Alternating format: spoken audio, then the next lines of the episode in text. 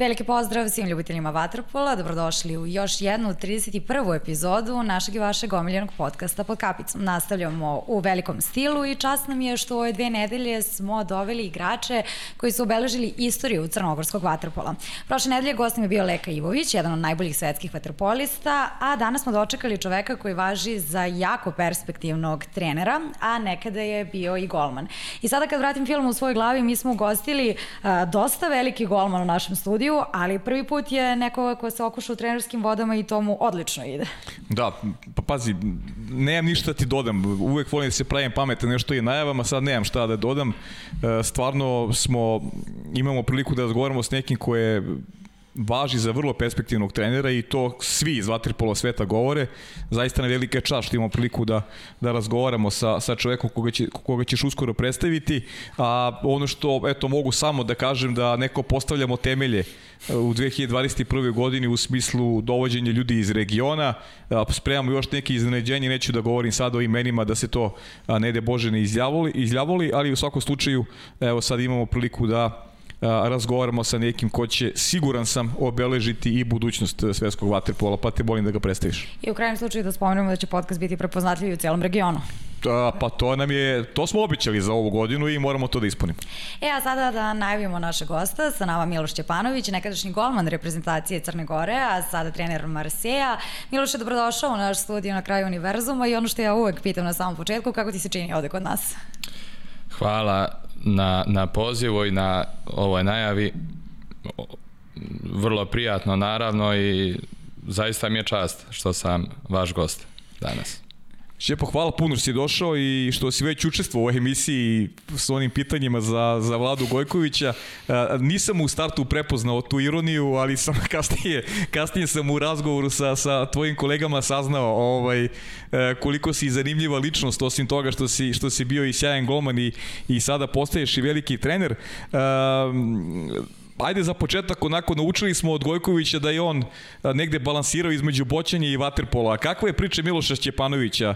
E, za početak ili, ili tačno da si, da si rođen u Beogradu? Ili to je dobar podatak ili pogrešan? To je dobar podatak, ne samo da sam rođen u Beogradu, nego sam e, tu i krenuo i osnovnu školu i tako sa, sa osam godina sam ja mm -hmm. se preselio u Herceg Novi, odakle mi je majka i, i nije priča krenula iz Herceg Novog, uh -huh. nego upravo iz Beograda i to je sad eto neka priča koja, koju čak ja mislim i moji naj, prijatelji najbliži ne znaju. Tu u Beogradu sam živio u 36. bloku i tetka mi je živela jako blizu u zgradi u kojoj je su živjeli roditelji i brat Gorana Rađenovića. Uh -huh. Ja sam kao klinac svraćao kod njega, kod njegovog brata i tako, ja ne znam, i njega sam sreo tu baš u komšiluku prije nekoliko i to sam mu ispričao. I uglavnom počeo sam da se interesujem za vatepolo, da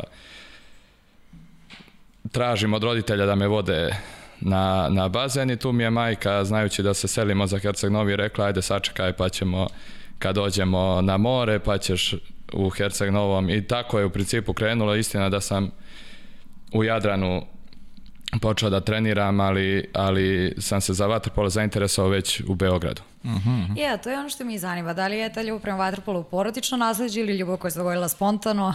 Apsolutno ne. Znači, ja sam prvi u porodici koji se, koji se bavi vaterpolom. Mm Ja, Šćepo, ti si neka generacija koja, koja je sportski nastrojena, u smislu da su dečaci odrastali na sportskim terenima, a, mogo je tu da se prepostavljam dogodi i neki drugi sport. A, e, ili je bilo neko interesovanje ili, Ili, to, ili taj susret sa, sa Goranom Rađenovićem je nigde odredio sudbin? Pa e, e, ja, ako sam bio zainteresovan za sve sportove, to je, to je činjenica. Trenirao sam nešto, tenis, futbal, karate tu u hali sportova, na primjer, eto, to je prvi neki sport gdje su me, mhm. u principu, roditelji poveli kao kao dijete i, i to je to. Međutim, eto, tako sam se zainteresovan da kad sam već prešao Herceg Novi, iako Herceg Novi nije samo grad vaterpola i košarka ima izuzetnu tradiciju i tako i neki drugi sportovi, međutim nekako je to logičan izbor i bukvalno ne postoji tada, barem u mojoj generaciji, malo je, malo je momaka koji nisu prošli kroz Jadran na neki način uh i u nekom periodu. E sad vratit ćemo se na onaj uvod o golmanima. Interesantno je da je većina njih rekla da nisu volili da plivaju, pa su zato postali golmani, ali pre nego što tebe pitam, evo da čujemo jedno pitanje na samom početku. Može.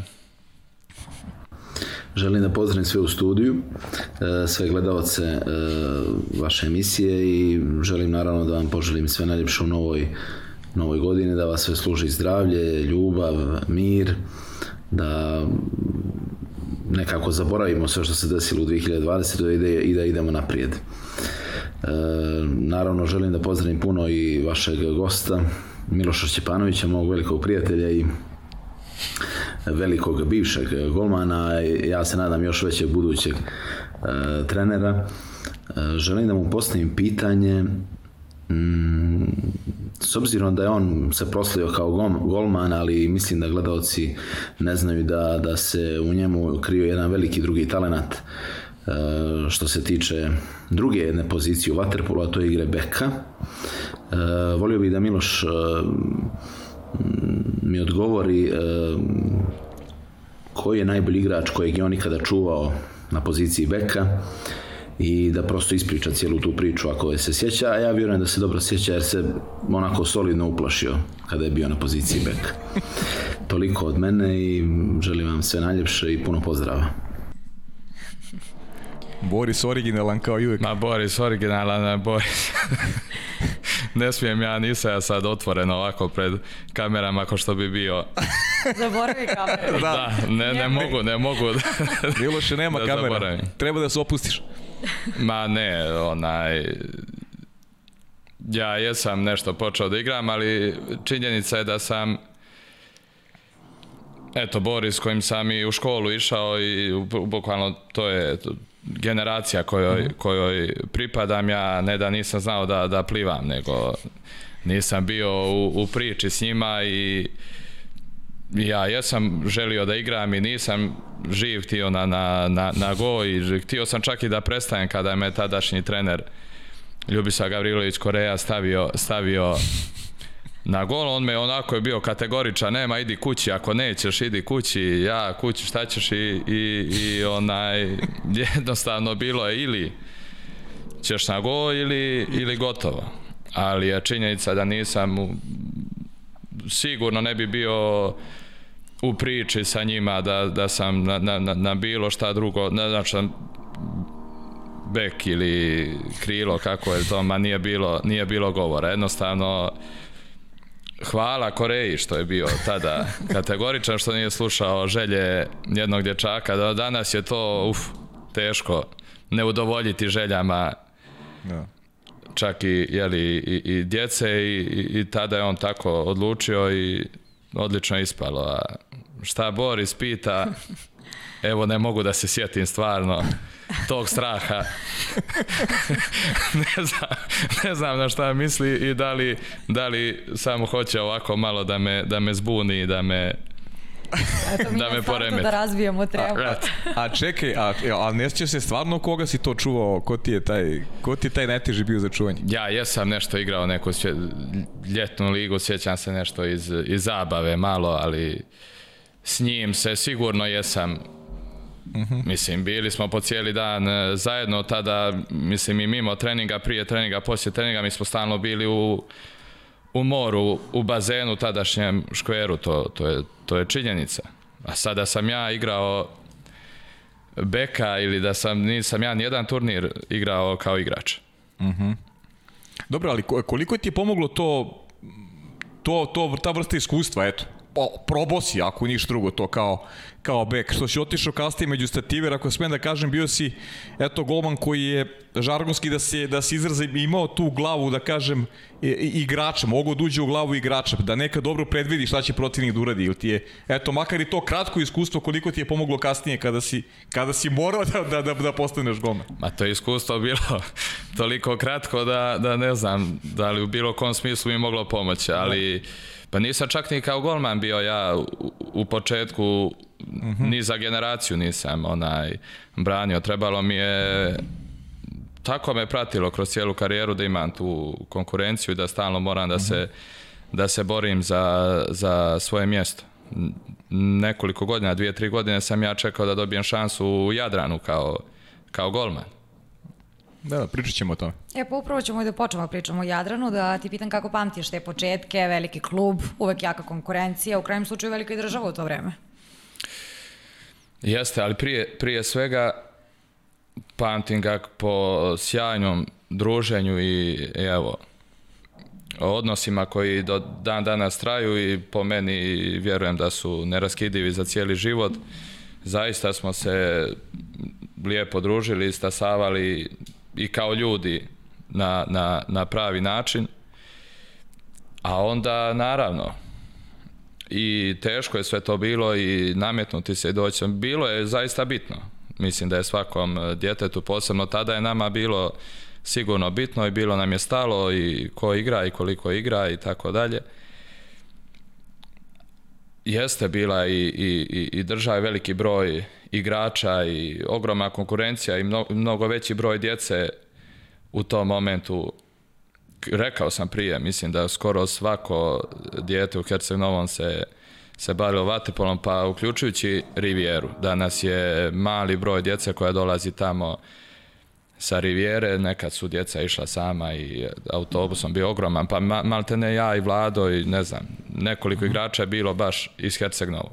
Mhm. Ostali su svi bili sa strako da je bilo teško već u klubu, već se u klubu osjećala i i konkurencija i selekcija i sve to. Ali prije svega jedno veliko druženje i ti turniri koji se tada igrali tri puta godišnje tri turnira, odnosno kup prvenstvo, otvoreno prvenstvo koje smo igrali, druženje, druženje sa ostalim momcima i zaista jedan lijep period i eto, koji, koji sigurno ostaje do kraja u upamćen. E, ali te to možda druženje i održalo, ti je se desilo, možda da si poželao da odustaneš u cijeloj toj konkurenciji. Pa, ja mislim da teško, da je mali broj ljudi koji nije imao takvu, takvu neku krizu ili da, pa upravo, upravo krizu, jer, jer to kod mene rijetko trajalo, a i imao sam je više puta i, i, i kasnije kao igrač i kao profesionalac.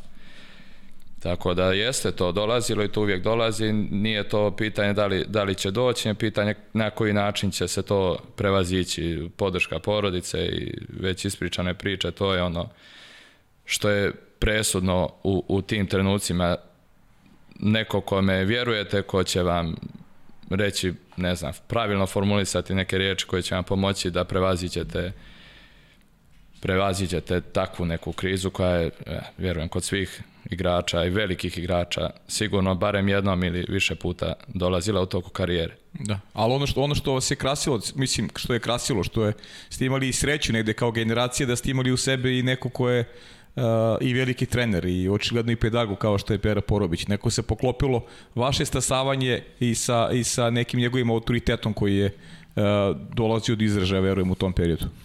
E pa, prije Pere Porobića uh mhm. -huh. to je nešto bilo potpuno nešto potpuno drugačije i mm -hmm. dok smo mi bili djeca, mi smo, to moram zaista da kažem, osjećali prije svega jedno ogromno interesovanje, pažnju i ljubav na kraju krajeva od strane pomenuto Koreje, uh mhm. -huh. koji nas je sve trenirao i koji je tu generaciju zaista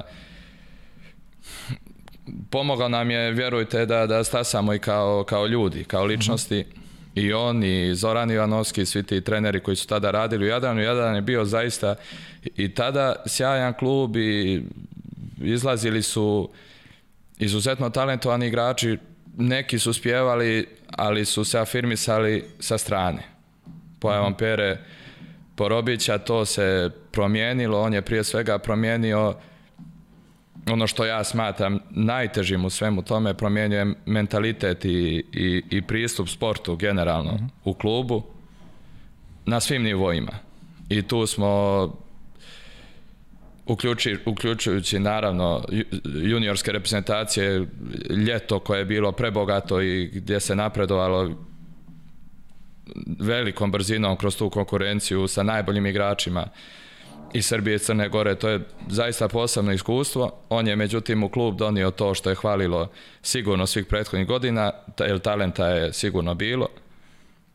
Da se to sve uveže, da, da, da, da dobije da klub ima pravu strukturu i da, da na, na pravi način krene da se radi i znao je da nam pristupi, poznavao je taj mentalitet i samu pripada jednostavno našoj pravu formulu i kasnije je stasala jedna sjajna generacija i sigurno je najzaslužniji, pa čak i ovo što Vlado danas radi, od njega smo definitivno najviše naučili u svakom smislu. Mhm. Uh E sad, Jadran je imao dobru generaciju, osvajao je domaće trofeje, e, ali nekako izostajali su uspesi na međunarodnoj sceni.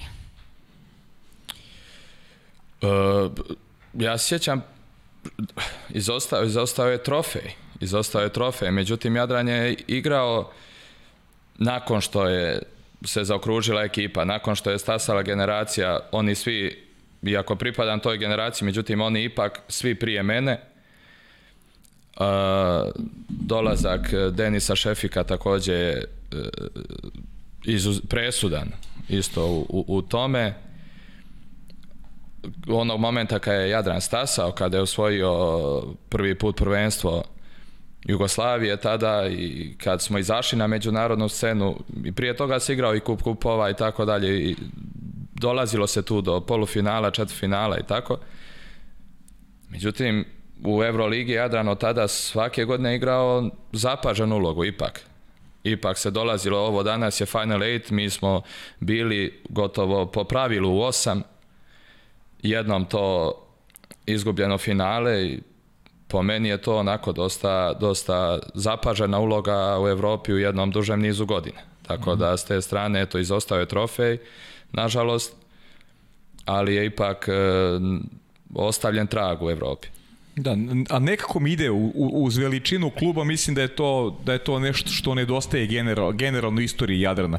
Slažem se. Slažem se, zaista smatram da, da Jadran po svemu što je u onako dužem nizu godina uradio zaslužuje nešto takvo i eto i nadao sam se i sam da bi nešto se u skorije vrijeme mogli, jako trenutno nisam dolje, naravno Jadran je dio mene i, i to se neće nikad promijeniti.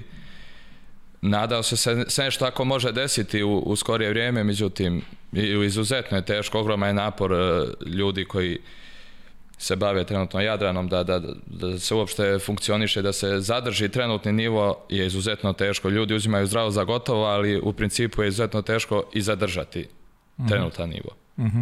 -huh. e, koga, si, koga si Šćepu u to vreme doživljavao kao najtežeg rivala u domaćoj, u domaćoj ligi? S kim su ti, protiv koga su ti meče imali nekako poseban naboj, a, ne, ne, neku težinu, da si ti osjećao onako možda i neki, kako bih rekao, tremu neku dodatnu? Pa dobro, ajde, mislim objektivno, ja sam tada onako bio, nisam bio u prvom planu ni, uh -huh. i nisam to sigurno doživljavao na način na koji su to doživljavali ostali momci, ali je definitivno se uvijek osjećao kakav god bio, bili sastav i ekipa, to mečevi ti s Primorcem su uvijek bili e, posebni. Iako tih prvih godina nije bio Primorac, kasnije se, kasnije se e, i pojačao. Bilo je u jednom momentu čak četiri kluba, Jaka, Primorac, e, Niš, pa mhm. Partizan i, te su godine obilježile, naravno Beče dok je bio, je bio neprikosnoven, već se tu ispričale su se mhm. neke priče i neki pokušaj uopšte da se da se odigra nešto blizu pobjede ili tako nešto, već su bili i u tom momentu označen kao jedan dobar rezultat i tako dalje, ali je Bečej definitivno bio neprikosnoven, kasnije ti mečevi s Partizanom su bili sigurno interesantni, uvijek puni naboja ovi sa Kotorom i, i tako. Bio je jedno vrijeme Niš i sad ja nisam baš ni, ove, ni ovdje gdje sam igrao 100%, ne mogu ja to sve dobro da složim šta je bilo koje godine, ali, ali to je utisak neki. Mislim, i onaj moment kad smo došli do toga da pobjeđujemo i Partizan i te ekipe, bilo je zaista... Zaista smo se osjećali da smo, da smo došli tu gdje, gdje za šta smo radili svo to vrijeme i čemu smo težili. Ja, e, kaži mi ovo, napravit ću jednu digresiju, izvini Marina. Mm -hmm. Uh, jel si igrao, Leka nam je pričao prošle nedelje, si igrao onu ligu uh, e, Kumbor, Kamenar i Bokelj i si igrao tu ligu? I si imao prilike da stasavaš kroz tu ligu? Ne na način na koji je Lekaj O tome sam eh, prije govorio. Mnogo je e, igrača dolazilo sa Rivijere i jednostavno svako to mjesto, to ko mhm. zna Herceg Novi zna o čemu govorim, svako to mjesto ima i bazen i vaterpolo ekipu. Da.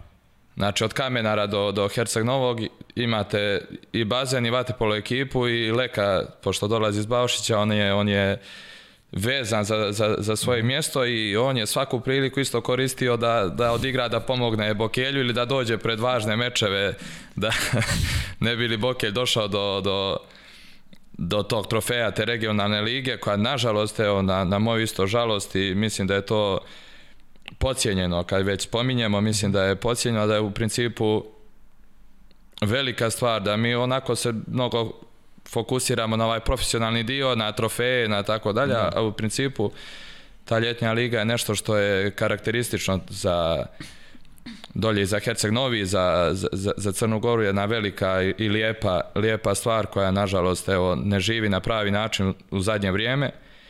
Ali to je to, ti, ti ljudi cijele godine žive i gledaju koji bi igrač mogao u moment ostati slobodan da bi on odigrao nešto za, za, za određeni klub u, u, u toj uh, ljetnoj ligi. Ja nisam, ali jedne godine Jadra nešto učestvovao ne znam zbog čega i kako ne mogu da se sjetim, znam da je Jadran sa, sa nekom juniorskom ekipom učestvovao na neki način, to tu sam nešto malo igrao, ne znam, evo što je Boris prije pitao, evo možda je i uspio da me Da, da.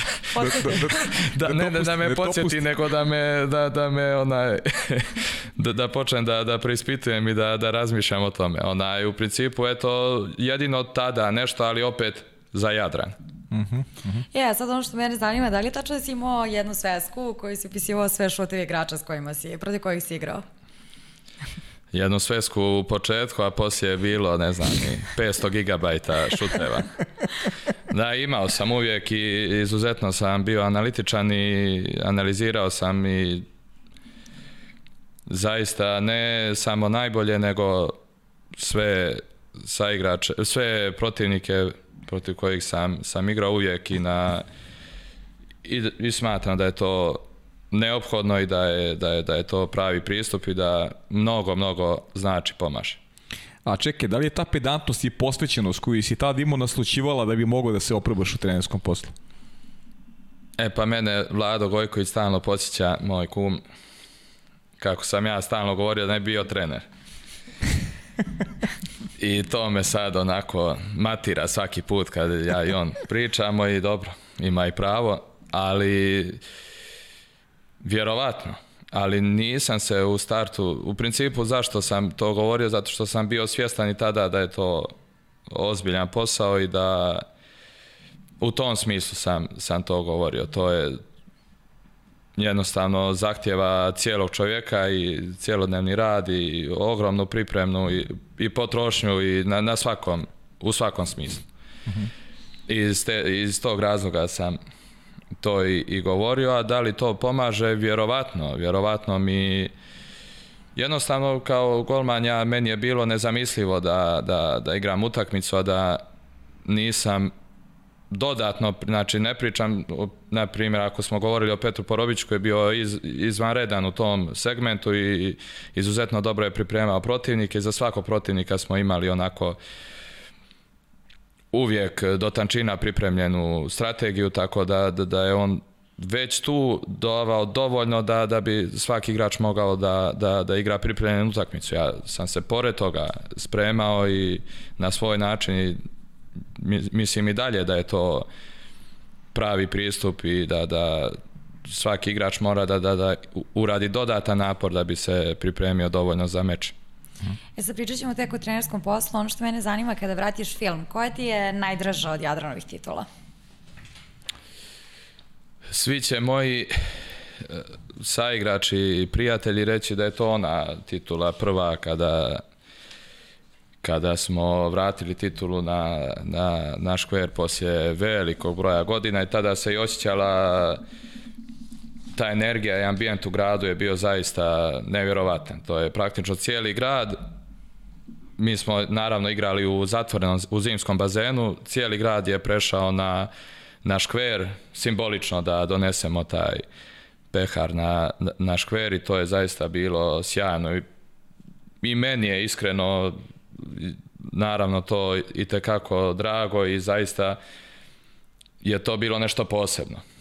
Međutim, eto, kako nisam bio u, u, u prvom planu, ne mogu na isti način da, da, da, da to, da, da, da nemam isti doživljaj kao, kao svi oni koji su to iznijeli onako kao glavni protagonisti. Međutim, meni je isto ta titula nekako posebna i, i, i draga. Ove sve kasnije došlo ih, a bilo ih je, evo, ja iskreno stvarno i ne znam koliko. Ja sam poslije se afirmisao, već je Crna Gora bila E, nezavisno to su bile u početku te to je bilo zaista teško i za, i za igrat u, u dva, tri kluba, bezbroj utakmica između nas. Međutim, kasnije je došla i, i, i, i Crnogorska liga na jedan izuzetan nivo sa, sa nekoliko ekipa koje su bile zaista eto, Primorac je osvojio uh, Euroligu, ali bilo koja ekipa Crne Gore, iz Crne Gore mogla da osvoji u tom momentu Euroligu. Uh, i tu su igrali sjajni mečevi, tu je bilo i titula dobrih i, i to mi je onako nešto posebno, eto, isto kako bih rekao, ostalo u, u sjećanju i sjećam se tog naboja i bilo je izuzetno teško igrati prije svega s, s, sa emocionalne strane velika potrošnja i velika energija i, i navijači i sve, ta, taj sav ambijent je bio zaista nesvakidašnji do dan danas se on nije ponovio. Pa u, u to vreme Crnogorska liga je bila jedna od najjačih u Evropi. E, pa vjerovatno i je, a, pošto, s obzirom da je bilo opet četiri kluba, Kataro koji je uspio da osvoji Lenkup, Lenkup Udva je bila sjajna ekipa, Jadran je bio vrhunska Primorac ekipa, prvak Primorac Evrope. prvak Evrope, to su bili zaista svaki duel je bio zaista kao Final Four. Da, da u, u, u tom smislu. Tako da te su titule imale težinu ipak. Uh mhm. -huh. Iako se radi o o prvaku Crne Gore, ne, re, realno nema dovoljan broj ekipa da bi to danas pričali eto kao da je na primjer regionalna liga ili tako nešto. Međutim sa sa četiri takve ekipe ne, nije imala u tom momentu ni jedna evropska liga četiri ekipe tog nivoa. Mm -hmm. Tako da s te strane to imalo težinu i sjećam se imalo ogroman naboj svaka ta utakmica i, i pritisak i to su gradovi su za to u principu živjeli. S te mm -hmm. strane zaista me vežu lijepe uspomene uopšte za taj period. E, Šćepo, pričao si o, o konkurenciji, da si dugo čekao šansu. Ti si uvek imao Eh, Deni Šefik, eh, Deni Šefik nije samo bio Jadranu, bio je kasnije u Crne Gore, imao si Slobodana Sora za rivala, eh, to si negde rekao iz početka podcasta, neko si takva sudbina te pratila da, da je trebalo da prođe vremena da ti u, tak, u toj konkurenciji dočekaš pravu priliku. Pa, to je istina je. Znači, to je tako, to me pratilo ne Znači ovde već pričamo s Šefik, to je već seniorski nivo, već uh profesionalizam i tako dalje i međutim već kroz juniorske kategorije i tako dalje uvijek uvijek je bilo uh, teško sa, sa Denisom u Jadranu u tom vremenu to je nešto čemu se i danas divim i to je zaista jedan nivo koji ja, ja to nisam vidio. Ja sam to mhm. vidio kod njega. Ne bi volio da, da, da, da bilo koga nešto, niti volim ovo da, da, da to upoređujem ko je mhm. bolji od koga. Evo ja kažem da, da nisam vidio ništa bolje ni blizu nikad nego tih godina što je on branio. I zaista neću uopšte da, da, da pričam da, da sam bio ja s njim u konkurenciji, to je nije nikakva skromnost, nego jednostavno to je bilo tako, to je tek kasnije isto dok sam se, kad sam se već afirmisao kao golman sam ponovo gledao te neke utakmice. To je zaista jedan nivo koji teško bilo ko može da se upoređuje ili da mu čak i teži. Uh mhm. -huh. Tako da Denis je obilježio tu, tu fazu sazrijevanja Jadrana kao ekipe i sve te trofeje koje smo osvojili na početku te priče. E, kasnije je bio Soro jednu godinu, Denis se vratio i ja sam tu šansu dobio 2006. kao prvi golman Jadrana, međutim ima jedna dobra stvar kad ste sa Denisom uvijek imate šansu. uvijek imate šansu ovako na svim tim po navnicama manjim utakmicama, tada ih je bilo mnogo u, u zajedničkoj ligi, opet bio veliki fond utakmica i ja sam opet imao mnogo prostora da, da branim. Međutim, prvu šansu da gdje je ekipa bila na mene dolazi tek 2006. E, a što si to kroz osmeh tako preko tom ovaj za Denisa? Pa eto da to je to je to znaju svi koji ga znaju, on je čovjek dolazio Eto sad ja ne, ne bih volio da, da, da kažem nešto onaj, da to ispadne loše. U principu on je branio te velike utakmice, on je bio tu, ali to je do zadnjeg dana su ljudi čekali hoće li on. Ja sam bio uvijek spreman, ja sam pripremu uvijek obavio pred svaku utakmicu i pred te velike koje nisam igrao, bio sam spreman da igram. Tako znači, je, da sedmica mi je počinjala na način da, da ću ja igrati tu subotu, jeli sledeću. Tako da s te strane i ne, mislim šal na stran, on je zaista eto tako propuštao te neke meče, a na kraju i dobijao sam šansu da, da igram te utemice kao, kao mladi golman i, i, i, i to je to. Ali zaista sam imao mnogo prostora uh, ali naravno sa, sa vremenom moja generacija ostala ispred i meni često kažu kako sam bio strpljiv, u principu nisam uopšte bio strpljiv, bio sam jako, jako nestrpljiv, jedino sam bio možda uporan, možda je to mm -hmm. karakteristika koja me krasila, ali zaista sam bio nestrpljiv i zaista me nije zadovoljavalo što igram u tim, opet kažem, pod navnicima malim utakmicama. Mm -hmm. E, mora ti kažem nešto. тоа што си ти живео таа да се Денис. Марина и ја живеем во овом подкасту. da li će Denis doći ili da, neće. Pa to je to. E, to je. Istu priču živimo. I kad zakažete, i kad, i kad zakažete nećete znati do zadnjeg. Ne, ne znamo, pa ne, pa već se dešava, ne znamo. Znači, mi živimo istu tvoju, eto, tvoju sudbinu živimo. E, pa živimo. morate rezervu da nađete dobru koja uvek, će doći. U, e, to, uvek, uvek mora tako.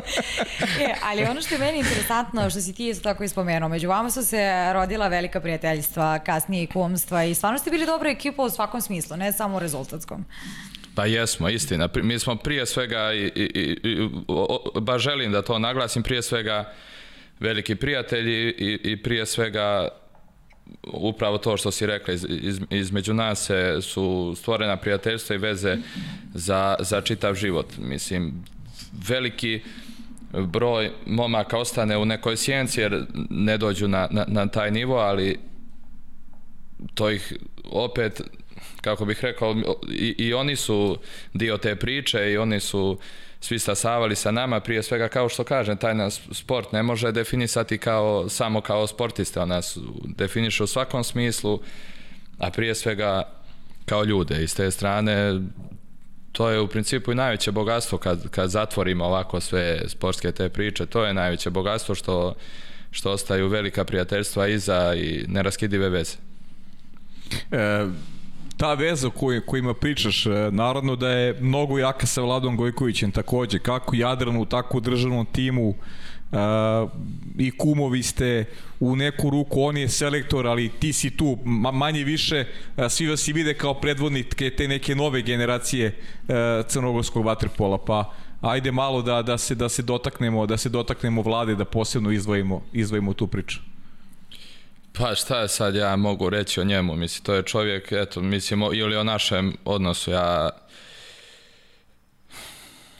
u principu više vjerujem njemu nego sebi, ako ćemo tako, mm -hmm. mislim, imam e, u njemu i uvijek sam imao i, i veliko prijatelja i podršku i za, za, za sve što sam u životu radio, sve neke životne stvari, pa i sada i ovo u smislu sporta i vatepola, tako da, da da smo u svakodnevnoj komunikaciji od uvijek, mislim, znamo se od, i počeli smo zajedno, evo, sve ovi početci, sve ovo što sam ispričao, to je, to je ista priča u principu. To je mm -hmm. i on već ispričao i e, jednostavno i, i ostali smo, kako se zove, istih interesovanja i na kraju, eto, bavimo se i istim, istim poslom i onda su te veze još, još jače i u svakodnevnoj smo, kažem, komunikaciji i razmjenjujemo iskustva, ideje, mišljenja i tako, ali prije svega sam ja taj koji uči od njega i, i ima mnogo toga da se nauči. Čovjek je već bogatog iskustva, a opet samo je godinu dana stariji od mene, a, a zaista već za njega ozbiljna, ozbiljne stvari i, i rezultati i veliki rad. Uh mhm. -huh. E sad, da li bi i šta bi, ukoliko bi, promenio danas da možeš iz tog perioda u Jadranu? Pa ne bi baš ništa, eto. Stvarno baš ništa. Zaista se uvijek samo najljepše emocije imam i kada, kada se sjećam tog perioda i mogu da kažem da, da smo zaista proveli jedno i sretno, srećno i lijepo djetinjstvo i da smo imali sve uslove da, da izgradimo karijere koje smo kasnije izgradili i to je to. Zaista samo, samo po najljepšem se sjećam stvarno tog perioda. E, Šćepo, ti nisi menjao klubove na toj takozvanoj domaćoj, domaćoj sceni. Da li je bilo neka ponuda da pređeš u neku drugu sredinu?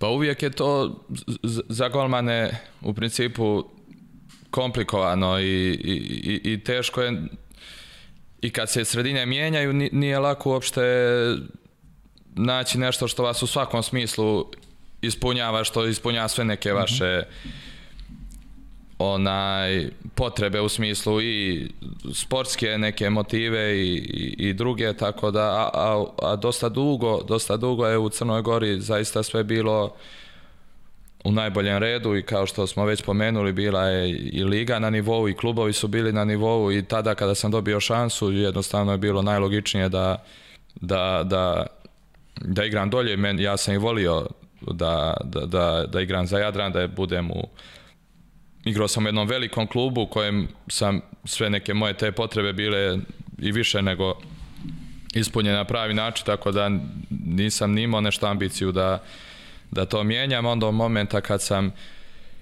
odlučio da idem je bilo nekih e, problema da, da nađem pravi klub koji eto će, će kao što sam rekao da da ima i pravu sportsku ambiciju da da opet ta neka finansijska strana bude ispunjena, da budem zadovoljan, da to ima smisla s obzirom da sam imao i porodicu već i tako dalje i to se dešava sa, sa Galatasarajem 2012. to je to. Do tada sam bio u Jadranu i kao što sam rekao već svake godine je to bila Liga šampiona, ozbiljne utakmice, regionalna liga i to je bila super priča po meni. E sad upravo si spomenuo Istanbul, Galatasara i Turska. Igrao si pod komandom trenera Igora Milanovića. Kako su ti iskustva sa njim? najljepša su mi iskustva u nekoj sa, sa, saradnji sa njim. Uh, on je jedan veliki, ajde da ne pričam uopšte o njemu kao igraču, mislim, ja nisam ni pozvan da, da, da to komentarišem, ali onaj, u svakom slučaju potpuno jedan drugačiji pogled na, na, na naš sport i tada sam na neke stvari koje sam gledao na jedan način počeo da gledam i, i na drugi, zaista je uh, genijalan u, u nekim svojim idejama i, i s te strane ga izuzetno, izuzetno cijeni, mislim da je, ja mislim, o čovjeku govore rezultati, onda se ja osjećam glupo sada da bilo šta nešto o tome pričam. Uglavnom imali smo super saradnju i imao i razumijevanja za mene za neke stvari, tipa porodica mi je, nije bila sa mnom, on je uvijek za to nalazio razumijevanje, imali smo jednu sjajnu saradnju, a kao trener mislim da da ima sjajne ideje, nevjerovatne i koje je uspio da to je, to je suština, da, da, da ideje u stvari implementirate li, na, na, na utakmicama, da ekipa ih sprovede, e, to je onda, to je onda posao i s te strane mislim da, da je radio velike stvari. Mm -hmm. I s mhm. Partizanom i sa Prorekom, a u Galatasaraju je objektivno i nama kao igračima i njemu kao treneru objektivno bilo limitirane su bile mogućnosti. Nije bilo lako sav potencijal onaj uložiti, nije bilo lako sve to implementirati, odnosno i svakom igraču pojedinačno, nije lakše igrati sa velikim igračima, lakše igrati sa ljudima koji vas razumiju, koji razumiju vaše ideje, kada ta ekipa bila izuzetno disbalansirana, je bio jedna, jedna grupa ekipe koja su bili sjajni igrači sa velikim znanjem i opet druga grupa mlađih turskih igrača koji ogromna je bila razlika među nama i bilo je teško napraviti pravu ekipu 13 igrača koji, koji sprovode jednu ideju na određenoj utakmici. E, ako se ne varam, tu su bili Boba Nikić, Tako. Mihajlo Korolija, Vjekoslav Pasković, se možda zaboravio nekog? je bio je Amerikana Jesse Smith. A Jesse Smith igrao. Tako a? je, da. On igrao, on igrao za mladost, čini mi se dugo, tako bez. Jeste, bio on je, Zmija bio i u Jadranu. I u Jadranu je bio, tako da. Je. Bio je Mlađan Janović. I Mlađan je bio. Da. I tako, igrala se tada ona Liga šampiona, format e, dvije grupe po šest. I to je to, mislim, e, nije, nije zaista bilo lako, u, u kažem, tu pružiti odbor najboljim ekipama, Evrope ipak potreban je tim, potrebno je 13 igrača, nije dovoljan kvalitet, e, jedan ekstra kvalitet nekoliko, nekoliko uh mhm. -huh. igrača. Tako da s te strane je bilo teško, ali se taj eto ako pričamo Igoru, njegov potencijal trenerski je neverovatan, a opet bila jedna lijepa priča i lijepo druženje i sjajan odnos tih ljudi tamo i veliki entuzijazam ljudi koji su pokušali uh, da, da urade lijepe stvari za vaterpolo u Istanbulu. Nažalost, to nije prošlo i to nije lako uspjeti i kad vidite taj entuzijazam ljudi da nešto pokrenu u nekim novim sredinama, onda vam je meni barem posebno krivo kada vidim da, da urušavamo ono što smo znali da radimo ili kada ne radimo dovoljno dobro da bi to što smo radili na pravi način počelo da propada ili da, da se borimo na ruševinama onoga što je bilo zaista sjajna priča i što je dalo ogromne rezultate u, u prošlosti. Mm -hmm. se toga. E, a mene zanima kako si doživao grad na Bosforu, kako kakav je život u Istanbulu. Čuli smo da ti pamtiš događaje i da voliš da pričaš anegdote. Van bazena. Volim, volim, ali već sam rekao da, da nisam baš ja pred, pred kamerama slobodan tako kao... Mislim da smo sad zaboravili na kameru. Nećemo, ja neću. Onaj, ne, grad je bio sjajan, ekip, evo, grad Istanbul je nevjerovatan grad, zaista. Zaista nevjerovatan grad, poseban kad se u njemu živi, onako kad se tačno, tačno znam ka, šta ljudi osjećaju kada, kada odu da, da ga posjete, to je kao da ste otišli u, principu u muzej. Onako ljudi ga dožive, po meni potpuno sterilno obiđu se ta, te turističke atrakcije, obiđu se znamenitosti, sjednete u avion i vratite se nazad i, i, i, i to definitivno nije Istanbul. Ja sam tamo se susreo i, i sa, sa, prije svega mi smo živjeli u tom azijskom dijelu koji obično ljudi i, i, i ne obilazi, a koji onako za život mnogo uređeniji i, i, i ljepši i lakše živjeti tamo nego u, u evropskom dijelu gdje su sve te turističke atrakcije, gdje je ludilo, vreva i, i rijeke ljudi, ma mislim i, i sa druge strane svakako, mislim 20, 20 miliona više, da. ja mislim da i ne znaju koliko da. ima ljudi, ali šta tačno da ispričam, tri godine sam tamo, tamo proveo i, i to pamtim onako kao jedno lijepo iskustvo, iako je bilo izuzetno teških, teških perioda i, i ne znam, na kraju sam se Na kraju sam bio zadovoljan što se vraćam u Jadan i već sam na sredini te sezone i pričao s Vladom da, da bi bio u principu nisam bio tamo sa, sa porodicom i to mi je predstavljalo zaista veliki problem. Tako da to je bila neka priča, ajde, da se to odradi, da se to neki sav taj trud i ta neka sva priča, opet iskreno i zasitio sam se u određenom momentu bio i Jadrana, isti bazen, isto sve, mislim 20 godina više i meni bilo dosta, s druge, nikako nisam uspjevao da, da zatvorim tu priču koju sam kasnije uspio da zatvorim odlaskom u Marse i tu sam definitivno se u principu preporodio u momentu kada sam htio da, da završim karijeru. Ali opet Istanbul pamtim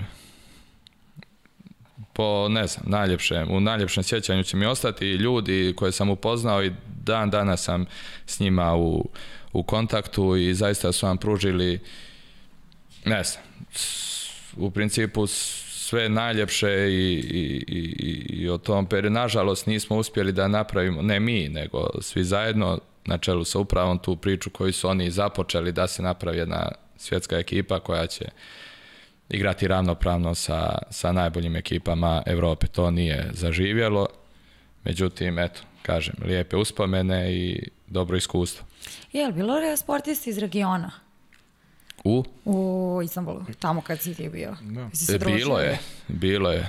Upoznali smo, mislim, pili smo kafu, bio Ivan Miljković, tada igrao u Fenerbahčevu da. odbojku, Miloš Nikić je igrao odbojku, sretali smo se u u tom kraju. Mi smo živjeli u principu e, bazen Galatasaraje je se naslanja na bazen, odnosno te objekte za, za vodene sportove Fenerbahča i taj čitav dio, u principu mi smo bili u regiji e, Istanbula, e, u principu Fenerbahče i to je bilo, to je bilo onako interesantno, mom, stadion je jako bio blizu, u momentima kada igra se futbalska utakmica, mi nismo smjeli da imamo obilježja na sebi i tako, znači bukvalno svetionik po kojem Fenerbahče i nosi ime je bio pored našeg bazena, to je nevjerovatno. Da, neko mi priča za navijenje. A, da, to je, mislim da nam je Boba pričao.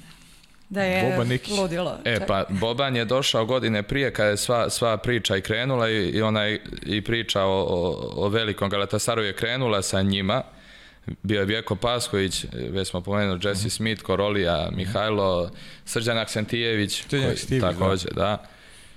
I, I oni su došli do četvrfinala Evrolige, e, to je za njih, bi, pa mislim, to i jeste veliki uspjeh za, za, za svakoga, objektivno, i tu su se oni definitivno zaljubili. Međutim, došla je do, do, do promjene u menadžmentu kluba, mm -hmm. druga ideja koja se naslanjala na, na ono što je, su ljudi prije osmislili i to nije uspjelo da se, da se da zaživi na pravi način, ali, ali bilo je navijača u onom momentu kad oni pozovu navijače, mislim, pa šta treba, dođe stotinjak navijača Galatasaraya, pa to grmi sve, a, a na stadion ako odete futbarski, to je zaista poseban doživljaj. Eto, mm. možda nije bio najbolji futbar, ali definitivno isto utisak i doživljaj je bio sjajan. Uh mhm.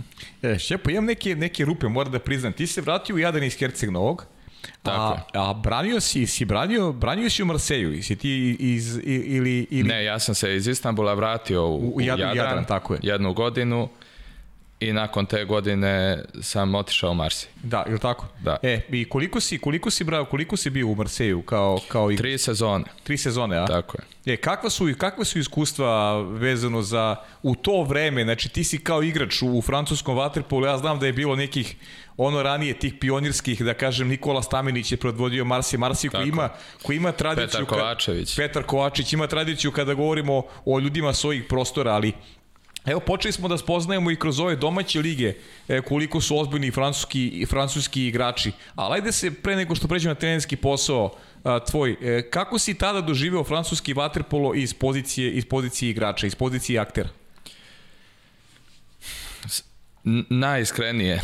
Ja sam, eto, posle te tri sezone u Istanbulu, jedne sezone u Jadranu, gdje opet E, jednostavno nisam imao tu, tu, tu motivaciju i teško mi je bilo zaista da, da, da, da, da treniram više na, na, kažem, u istom ambijentu i to jednostavno se čovjek zasiti vjerovatno i tog ambijenta samog i, i, i svega toga, opet nekoliko generacija zaista uh mhm. -huh.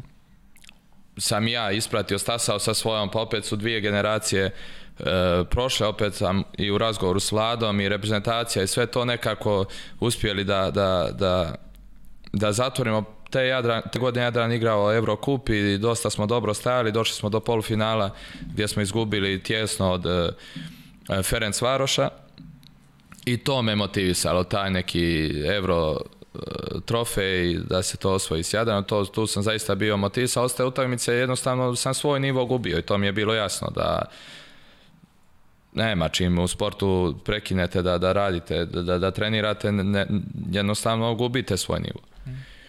I nakon toga sam odlučio, ajde, da, da, što mi je bila negdje ideja i na početku karijere, da bi volio da tako završim karijeru. Jednostavno sam otišao u Marsilj sa idejom da tamo završim, da odem sa porodicom, da, mi, da se malo prošetam po Provansi Međutim, do, mojim dolaskom tamo sve se u principu promijenilo i u mojoj glavi kada sam vidio da je to, nisam ja iskreno zamišljao da je to potpuno profesionalni nivo, ja se to zamišljaju, ljudi rade, međutim oni treniraju isto ko što mi treniramo, jer ono, često se ljutimo kad nas drugi pocijenjuju, kad kažu nema konkurencije u vaterpolu i tako dalje, a onda sami to da. u principu radimo.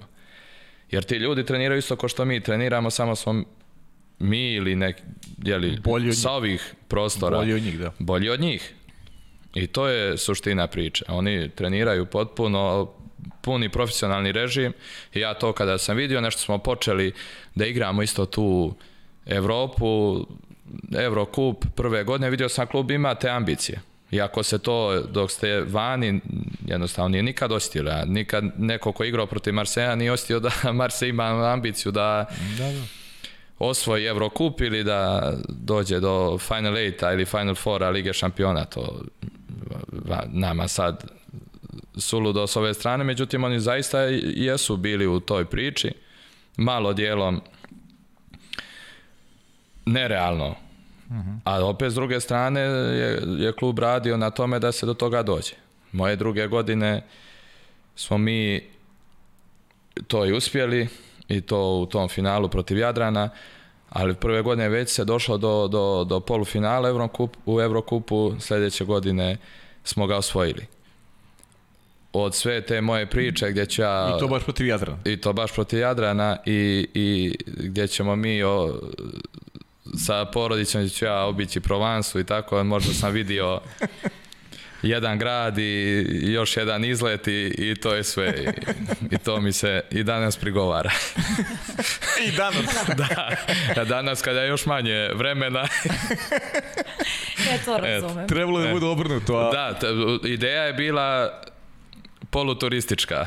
Međutim, ono momenta kad sam osjetio da se može nešto, opet se to probudila ta želja u meni jednostavno i vjerovatno sam htio sebi da nametnem nešto što, što nije dio mog sistema vrijednosti, mog e, nečim čime sam se u životu očigledno rukovodio, jednostavno to nisam. Ono momenta kad sam osjetio da taj klub može, da, da do nečega možemo doći, to, to, to sam se odmah na to fokusirao, krenuo tome, ja i ekipa je bila sjajna i odlično koncipirana i došli smo do tog trofeja koji meni lično hvalio. Da mi je neko pričao osvojit ćeš sa Marsejom na kraju evropski trofej, klubski, ja bi se Nasmijem. iskreno nasmio. Nagrađen si za svo to čekanje koje si imao tokom karijere.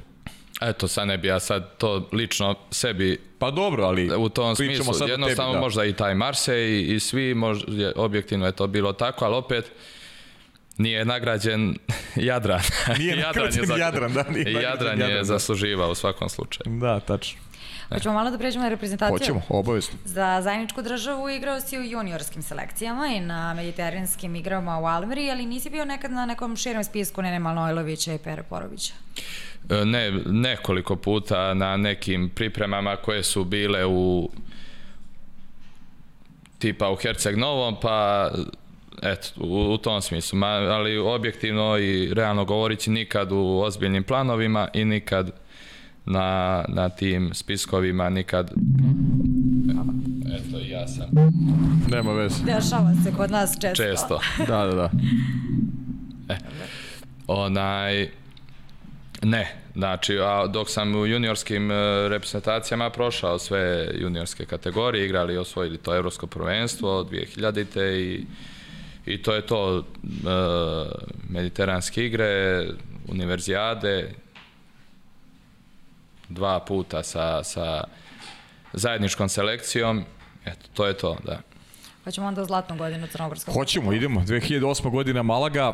Neću ti postavljati neka specijalna pitanja, mnogi su prošli kroz to, hoću samo tvoj doživljaj cele priče i koliko je Svenska pomogla u, u, u, tom, u tom finalu, ne samo u finalu, nego kroz ceo turnir. Pa eto, to, to, je, e, to je turnir Znači, to je turnir kroz koji sam ja stekao tu punu afirmaciju, afirmaciju da. igračku da. i, i, i, i to je kasnije eto, i obilježilo e, moju karijeru. E, ne samo moju, naravno. Naravno. Ali ako pričamo konkretno o finalu, bez obzira to što nisam igrao velike utajmice protiv svih tih igrača Srbije, ja sam ih gledao znači, na, na, na drugi način, gledao sve njihove utakmice, gledao sve utakmice zajedničke reprezentacije države, znao sam u, u smislu tom šta od koga, šta od koga se može očekivati, ako se to uopšte može reći, to su igrači sa toliko uh, rješenja u, u svakom momentu da bukvalno bi bilo ne znam, gordo reći da se nešto tu sad predvidjelo. Moja priprema se više svodila na, na mene samog i, i ono što ljudi u principu percipiraju da sam možda bio i rasterećeniji u principu je bilo suprotno jer sam jako bio svjestan toga da je to Eh, možda šansa koja više se neće ukazati, ako je sada ne iskoristim dobro da, da, da jednostavno neću moći da imam sledeću i mislim da sam bio u pravu i da sam to dobro percipirao, to je kasnije i pokazalo vrijeme, do, da, tako da da, da s te strane se osjećao taj neki dodatni pritisak, a opet kada smo došli do tog polufinala, finala, kada sam osjetio da sam dio nečega o čemu sam sanjao, čemu se se divio, šta sam gledao, jer sam zaista volio sport, volio vatopolo na, na pravi način. Jednostavno sam bio toliko motivisan da, da, da sam na sve u momentu zaboravio i to je ta neka priča, bio sam fokusiran na, na to finale i na kraju Crna Gora eto, dobila, osvojila tu zlatnu medalju, ispostavit će se uh, jedinu, a nakon nje očekivalo se mnogo, mnogo više. Mm ali pamtiš taj šut Vlade Vujasinovića? Pamtim, pamtim. Dve sekunde pre kraja, sa dva igrača. Pamtim i, i, i kako je to se tako namjesti, znači čovjek koji je dao važne golove i kako ta lopta uvijek završi tamo, to je, to je, da. to, eto, to ne znam, može li to neko da objasni, ali to, ta lopta je opet završila. Kod njega sam i pričao sa, uh, sa Perom prije utakmice i razmišljam šta ako dođe, šta ako on će, doće kod njega i stvarno je došla, ali i to sam zamišljao, eto. I u mhm. toj mjeri sam se spremao da bi u to, eto, zaista je tako, znači ja, ja i on smo pričali šta bi on mogao da šutne, eto, kao da smo, da smo to na, naslutili, to se desilo, ali nije to znači bezbroj puta je čovjek riješio utakmicu, dolazi lopta kod njega, iako sad je li kažemo ima već boljih šutera ili tako nešto, ali jednostavno to je ta neka, ne znam, energija, neke stvari koje nisu baš objašnjive, ali postoje ti u svim sportovima ljudi uh mhm. -huh. koji su rješavali velike utakmice. E sad olimpijske igre 2008. i 2012. Dva poraza od Srbije za bronzano odličje. Imam utisak da ste vi u svojim glavama projektovali najveće ciljeve. Pa, pa jesmo ali e, general kao ekipa, ako pričamo kao ekipa, da. Mhm. vjerovatno jesmo sigurno 2008. nakon Zlata u Malagi su, su objektivno to je bilo prvo nemoguće pripremiti i nehumano, mislim igrati evropsko prvenstvo pa olimpijske igre, to je to se samo ne znamo, evo izgleda u našem sportu dešavalo. Međutim, i tu smo imali mi teškoća i kroz grupu i, i mi smo gurali do tog e, polufinala gde smo odigrali jednu sjajnu utakmicu. Cijela ekipa, eto, se mene, vjerovatno, najteži meni bi bio taj neki, nešto što sebi zamjeram u karijeri je ta neka utakmica sa Mađarskom, jer je bilo izuzetno teško tu parirati toj ekipi koja se ispostavit se kasnije uzela eto sva tri, tri olimpijska zlata i poslije je došla ta utakmica sa, sa Srbijom za treće mjesto također je planirano svi smo od, mi, smo, mi smo igrali prvo polufinale i nakon polufinala smo se aj tješili igrat sa Amerikancima poslije za, da, za, bronzu. za bronzu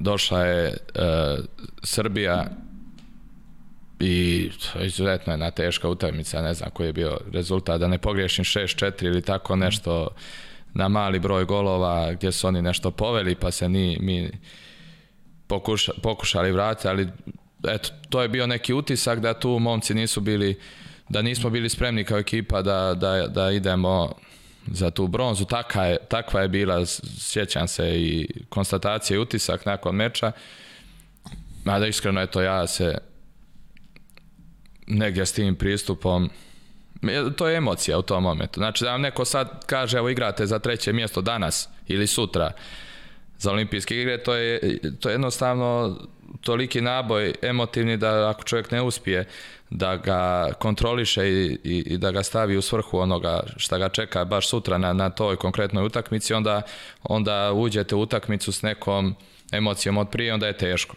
Uh mhm. -huh. Na taj način smatram da su te utakmice teške, međutim ukoliko se čovjek e, rastereti i samo logično razmisli treće mjesto, četvrto je velika stvar i svako polufinale velika stvar, treće mjesto posebno. Međutim, mi nismo sigurno bili u tom smislu spremni. U utakmicu za, u Londonu smo sigurno bili spremni i sigurno igrali uh,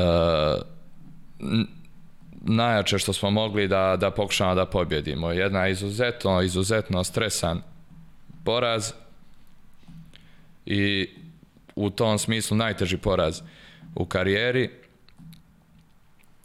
I sjećam se tog utiska, na primjer, nakon utakmice sam imao utisak, na primjer, da nikad više neću nikoga pobijediti. Eto, bukvalno taj mm-hmm. utisak. Toliko je to bilo emotivno teško, s obzirom da smo imali tri gola prednosti i čitavu priču, čak i eto, zaista nisam gledao utis, utakmicu, da se ogradim, ali mislim da je imali i bolju igru i, i sve. Jednostavno, jedan taj moment, impuls koji je Srbija iskoristila i jedna panika koja je zavladala, oni su to na pravi način skoristili i uspjeli da okrenu utakmicu. Svaka čast na tome i zato jesu tu gdje jesu. A Šepo, izvan tih sportskih dostignuća i utakmica na olimpijskim igrama, volimo prosto svaku olimpijice da pitamo za to nešto sa strane, taj utisak, susir sa sportistima, ostalim, e, koliko to utiče negdje i na na neku koncentraciju, da li imaš potrebu i, i si imao potrebu da upoznaješ e, druge sportiste, da se sa njima slikaš, da, da deliš neka iskustva. Kako izgleda to, to, to, to ludilo olimpijskog sela? Pa to jeste posebno i, i to jeste sigurno jedan utisak koji čovjek nosi sa sobom i, i, i eto i, i, i to je jedna stvar na primjer u Francuskoj koju sam koja mi je pomogla da malo na, na, na, na, druge, na drugi način gledam. Zato jer mhm. ja sam negdje u šali rekao neku izjavu sam tako pitali su me da li, da li žalim za olimpijskom medaljom mislim ko ne bi žalio ali sam ja rekao na primjer e, da toliko mi je krivo da imam negativnu emociju prema, prema igrama da mi je praktično mi je to ostalo u lošem da, da. sjećanju da. A u principu sam došao da u Francusku gdje su momci učestvovali na olimpijskim igrama i toliko je, su ponosni, toliko su zadovoljni sa, sa samom tom činjenicom da je to, nevjero, da, ja vjerujem, da je to na nivou ovih momaka koji su osvojili zlatnu medalju. Mm -hmm. Da su oni toliko ponosni i toliko zadovoljni sa, sa tim što su svojim dostignućem i što i, i u principu jeste tako. Znači mi smo igrali zapaženu ulogu na tim olimpijskim igrama učestvovali na tome, u, to, to je zaista jedan poseban dožalj, doživljaj biti tamo, kao što si rekao sa svim tim sportistima, gdje svako igra neku, svako bije neku svoju bitku, međutim, ta energija koja se osjeća je zaista sjajna, eto ja nisam na taj način otvoren sa, sa, sa da kažem, nepoznatim ljudima, ali na taj način nisam mm -hmm. jednostavno nisam takav, ali u svakom slučaju bilo mi je drago, htio sam, to mi je krivo, na primjer, što nisam us, nadao sam se da ću moći nešto da vidim, ali jednostavno kad igrate vi vaš turnir, za vas postoji samo to i ništa drugo. Ja sam se nadao da ću moći eventualno da pogledam neku utakmicu, eto uspio sam u Londonu, u Londonu da pogledam finale e, rukometnog turnira između Francuske i, i Danske, to, to je sjajan, sjajan doživljaj. Zaista, sretati se sa svim tim sportistima, razmjenjivati, kao što si rekao, iskustva sa, mhm. sa, sa borilišta i tako dalje. Znači, svakako posebno. E sada prođemo i svetsko prvenstvo u Barceloni 2013. Izgledali ste jako dobro, bila je prilika za zlato, ali su se sprečili Mađari u velikom finalu. Jesu, isto jedan sjajan turnir. Za nas izuzetno težak, velika ta pobjeda i protiv Srbije u četvrtfinalu, da. pa sjajna igra protiv Italije u polufinalu gdje smo ih ostavili ne znam, bio je zaista visok rezultat, eto, kažem, ne pamtim sad do detalja sad te e, te podatke, ali, ali znam da, da je bilo 4, 5, 6 razlike, da smo zaista bili superiorni turnir koji nije dobro počeo, ali kad smo eto došli do finala i čak bili po nekim, eto tako, na najavama event, bi favoriti s obzirom na prikazanu igru. Zaista smo igrali sjajno, imali dobru energiju, imali sjajnu energiju tokom čitavih tih e, priprema i osjećalo se da se nešto može da se nešto može napraviti na, na tom turniru. Eto, a, a malo prije sam, sam rekao 2012. nakon tog, te utamice za, za, za treće mjesto protiv Srbije, zaista ekipa bila u takvom onaj knockdownu i dobro se sjećam, na primjer, bio sam kući i, i dalje u šoku kad me niko nije prošao nekoliko dana, Nikola Janović me zvao, ajde sad je prilika, dvije, šta je sad prilika, kakva je sad prilika, koga ćemo mi pobijediti, uspjeli smo zaista, Nikola Janović me me zvao, razgovarali smo i on je tu zaista stvarno to osjetio i ta, ta, te se pripreme E, sledeće ljeto zaista osjetila ta prava energija, nekako smo uspjeli da, da, se, da se skupimo, da pronađemo e, da napravimo pravu priču i, i zaista zasluženo došli do, do tog finala. Nažalost nismo uspjeli da pobjedimo, ali po svemu jedna pozitivna ocjena i sjajan turnir. E, Šćepo, 2012. i 2016. još dva finala na evropskim prvenstvima i to u Eindhovenu i Beogradu, opet porazi od, od, od Srbije, tesne utakmice, uvek da. neizvesne utakmice, tesne protiv Srbije. Ajde da postavim pitanje možda koji ti je teže pao ta dva poraza. Uh, ne znam, ja bih rekao da ste u Beogradu zaista igrali fantastičan turnir i vaši leka priča imali ste veliku podršku i na tribinama navijača uh, E, Srbija te godine suvereno osvojila olimpijsko zlatnu medalju i rekao bih da je to bila, kada govorimo o tim mečevima za plasman, to bila najteža utakmica Srbije tokom cele godine, kada računamo o da. četiri finala, polufinala i finala. Ne, pa prvo to je nešto što evo, ne vjerujem da, da se može ponoviti. Onda je ambijent, ambijent e, arene i, i to je svakako dalo uh, takmičenju na, na, na težini i, i svakako ambijent e, bitan. Mi smo imali, kao što si rekao, imali podršku tokom čitavog turnira i bilo je i po 5000, tada je arena djelovala poluprazna, da. međutim da. sa 5000 ljudi i to mi smo imali sjajnu, sjajnu podršku, sve do, do finala igrali, opet sjajan turnir, opet teško i četvrtfinale i polufinale i i na kraju tu utakmicu u finalu sa Srbijom gdje smo opet imali i dobru igru i stabilnu odbranu i gdje je Srbija opet uspjela da nađe to, ali kažem da li mi je u principu nijedan poraz taj nije mi pao na taj način teško u poređenju sa ovim iz e, Londona. Uh Svakako da smo željeli to zlato i smatram i dan danas da je razlika velika između srebrne medalje i zlatne medalje i osvajanja uh, šampionske titule, to je nešto posebno. Bio je, kažem, i poseban ambijent i eto, ekipa Srbije koja je, kao što si rekao, pa mislim, to su sve podaci koji govore sami za sebe sa bilo šta, mislim, čovjek se osjeća glupo da bilo šta tome, tome doda. Oni su opet uspjeli da nađu taj moment i, i to što svaka ekipa ima u tim finalnim utakmicama često to odstupa od nečega što je neka taktika, neka priprema ili neka se često je to energija, inspiracija nekog pojedinca, improvizacija i, i, i tako ti neki detalji koji prelome utakmicu i to se opet desilo u jednom kratkom periodu ako hoćete, ako se ta utakmica pogleda u nekih par minuta je Srbija to prelomila. Mi smo cijelu utakmicu imali nešto da, da je prelomimo, da odemo, da, da dobijemo još koji gol, nismo to uspjeli, a u svakom slučaju na pozitivna priča za vaterpolo i sjajan ambijent i sjaja, sjajna atmosfera koja je pošla u, u, u svijet i vezano generalno za, za naš sport. Mm-hmm. E, a sada si ovdje sa reprezentacijom Crne Gore. Koliko je, koliko je realno da izborite plasman uh, u Tokio na olimpijske igre?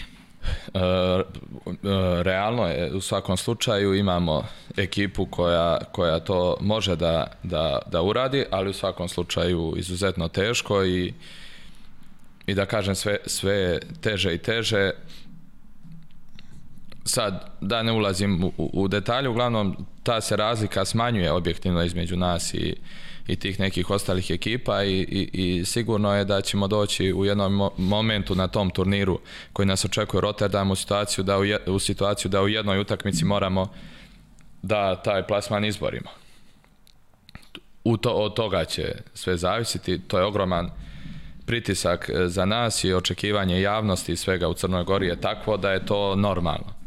Kao što sam i sam evo malo prije rekao, i da, tako da s te strane se to ni ne doživlja kao veliki uspjeh, nego kao nešto, nešto normalno. Što se podrazumeva. Tako je, to se podrazumijeva i s te strane je to jedan pritisak koji će momci sigurno osjećati i s te strane treba biti spreman na to, treba biti spreman na, na, na pravi način E, nikad nije idealna situacija u toku sezone, ljudi su svojim klubovima, imaju zahtjeve u klubovima, prelaze u, u reprezentaciju, jako je kratak period za koji oni moraju da pronađu energiju unutar ekipe da bi se ta stvar da bi to otišlo na, na, na pravi način, da bi se to e, taj plasman izborio.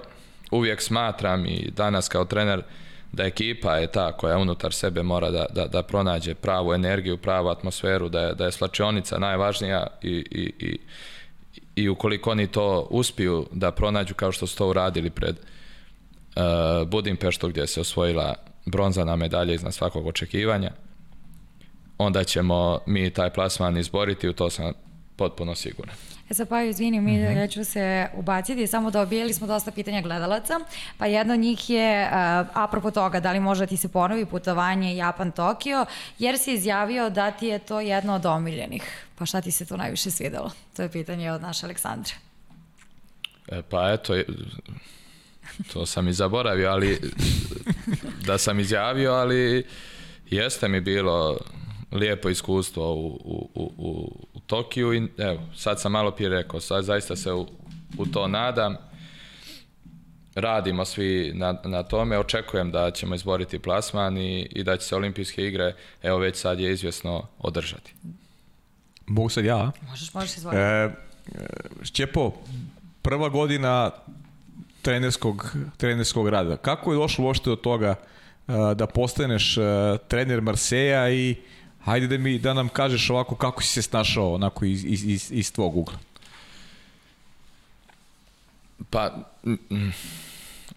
nije, nije to baš, kako bih rekao, nije sad u principu ja se ja sam iznenadio njihovom ponudom mm -hmm. da, mhm. da ja postanem trener prve ekipe, međutim bilo je već priča i, i moje saradnje sa, sa trenerom ekipe Markom Amardeljom koji je napustio ekipu svojom, svojom odlukom, odnosno je, nakon sezone i u, na korektan način je odlučio da, da, da uzme pauzu i da ne bude više trener. Nakon, nakon te njegove odluke oni su meni to mjesto ponudili. Međutim, ja sam u saradnji sa njim i sa direktorom i tako dalje, već smo pričali o tome da ja nakon završetka sezone, pošto sam ja kao igrač ima ugovor još ovu sezonu i počeo pripreme sa, sa Marsejom.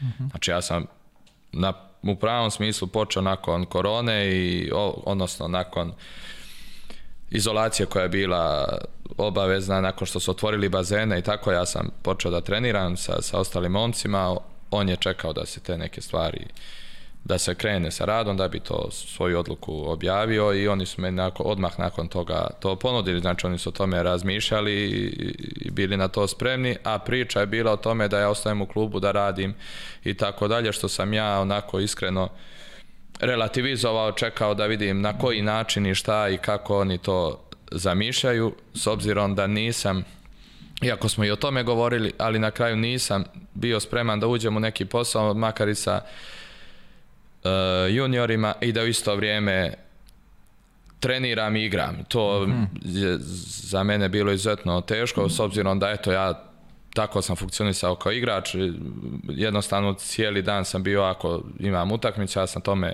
bio posvećen između treninga se odmaram poslije, jednostavno sve drugo, svaka aktivnost dodatna je meni bila veliki problem, tako da sam bio svjestan na koji način pristupan svim stvarima, pa i tom trenerskom poslu na isti način. Mm -hmm. Jednostavno sam procijenio da bi mi to bio ogroman posao koji ne bi, na, koji, na koji ne bi odgovorio kako treba poslije ili na jedan ili na drugi ili ni na jedan ni na drugi.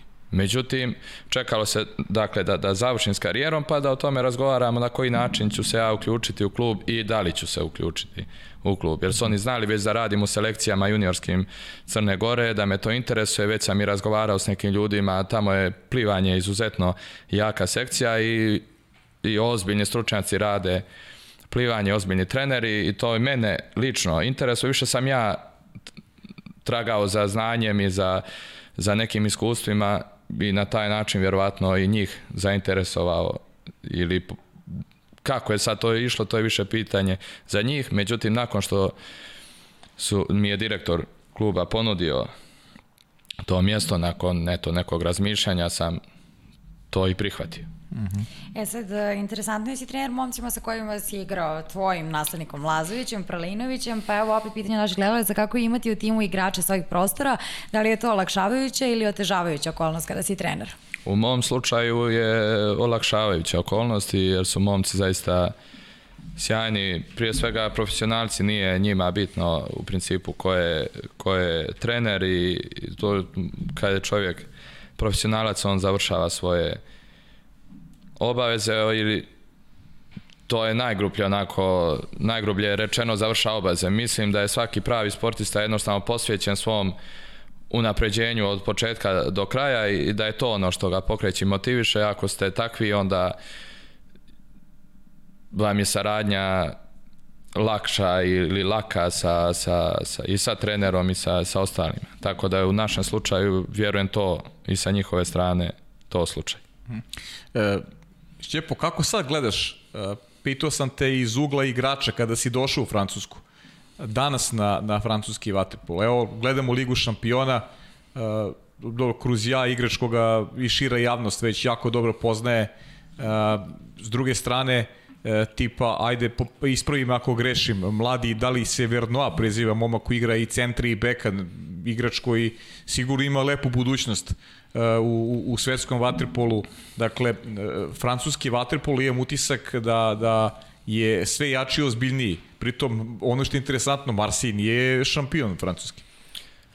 E, u, u, sve si u principu tačno rekao i, i eto ja nisam osvojio šampionsku titulu sa Marsejom. Da. Znači dvije godine smo u principu gubili u borbi za titulu dok je pro, proteklu godinu, proteklu sezonu prekinula korona, mi smo bili na, na, na prvom mjestu, ali e, prvenstvo je ostalo bez, bez šampiona.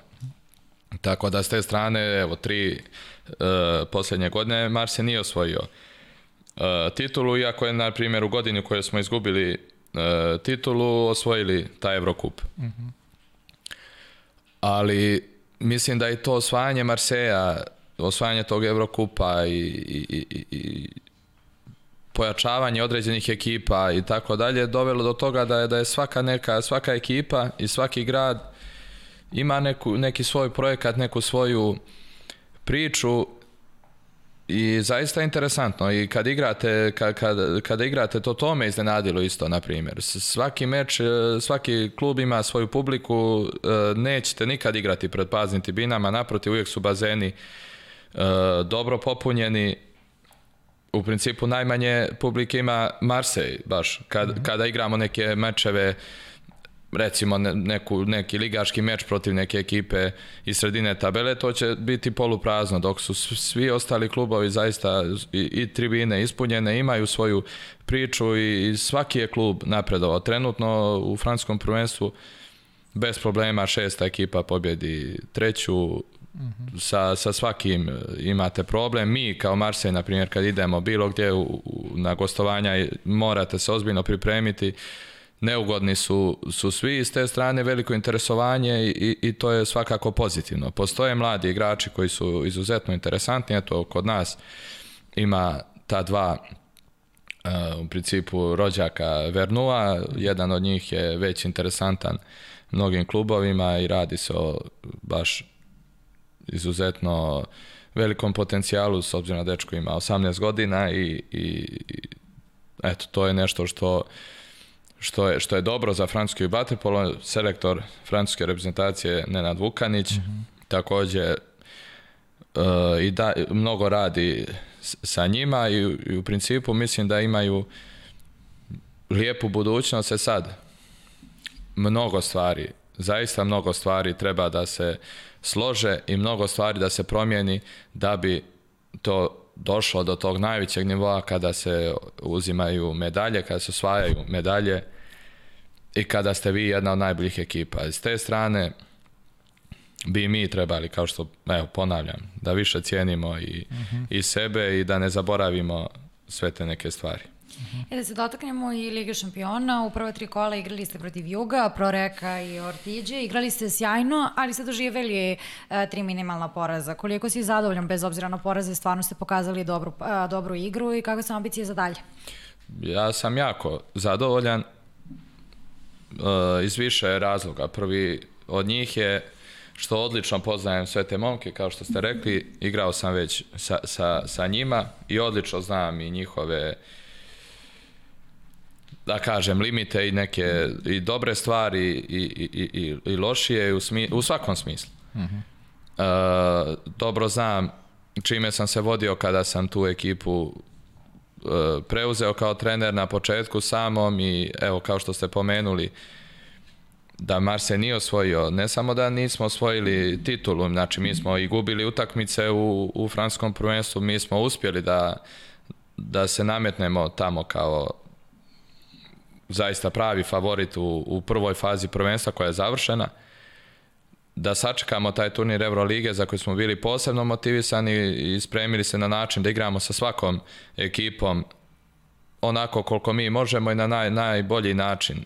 Znači da, da, da, da, da razmišljamo o sebi, a da pripremimo te protivnike i mislim da smo uh, pokazali jedan zaista visok nivo igre, nažalost ne u dovoljno dugom kontinuitetu da bi se te utakmice e, pobjedile, znači bilo je tih oscilacija u igri koje su po meni potpuno normalne. Kada bi to bilo tako jednostavno i kada bi to se odmah počeo pobjeđivati jug i reko, onda bi to zaista bilo baš lako i mislim da bi svako mogao biti dobar trener i dobar igrač i tako. Zaista mislim da treba vremena, strpljenja i rada i mnogo stvari sa strane koje se ne vide, a koje ljudi koji se bave vaterpolom i kako dobro znaju i sportom uopšte, znači nije samo vaterpolo u priči, znate o čemu mislim i govorim. Tako da s te strane i klub i ja kao trener i svi igrači zajedno, svi moramo zajedno da radimo ka tome da da Marse postane to čemu teži, a to je u svakom slučaju pozitivno. Da Marse ima ambiciju da, da dođe do vrha. E, a pitanje gledala se, da li znaš da je Prlinović Italija za osvajanje Lige šampiona? jako dobro znam. Ma, ali ne bih rekao, eto, baš da, da je Italija, više se radi o nečem drugom. Ako osvoji sa Marsejom, da možemo reći da je, da je Italija. Ajde. Pa de, da biš im u jednom ili u dva kluba, samo nije bio prvak Evropi. Da, ma, da. Dobro. Da, da ne pričam sad uh, o njemu, da. s obzirom da sam u trener, ali Tako je, on je te titule osvojio. Uh mhm. -huh. On je te titule osvojio i zaslužio. E, hoćeš, hoćeš ti ili... Hoćemo da pređemo mi na pitanje. E, hteo samo sam hteo, možemo. Hteo sam samo da, da konstatujem možda više ovaj, e, te, treba si voliš crnogorsku juniorsku reprezentaciju u Kuvajtu. Eto, recimo, tu si trebao da debituješ kao trener, ali zbog obaveza u Marseju nisi išao. Sigurno da i tu imaš onako jasnu i, i, i bazu sliku onoga što treba da bude budućnost crnogorskog vatropola, pa kako si zadvio eto sa, sa, tom, sa tom juniorskom generacijom? Ja sam s tom generacijom išao i na, kao asistent Slobu Mačiću u Minsk uh -huh. 2018. Uh -huh. gdje smo osvojili srebrnu medalju. Uh mhm. -huh. I sljedeće ljeto sam ih ja onaj preuzeo kao prvi trener, da-, dakle dvije, tri godine sam ja već kroz e, juniorske reprezentacije počeo da se priprema nakon što bih završio sve svoje obaveze, počeo da se onaj period odmora sam u principu za to koristio da ra radim kao trener, a to su u Marseju uh,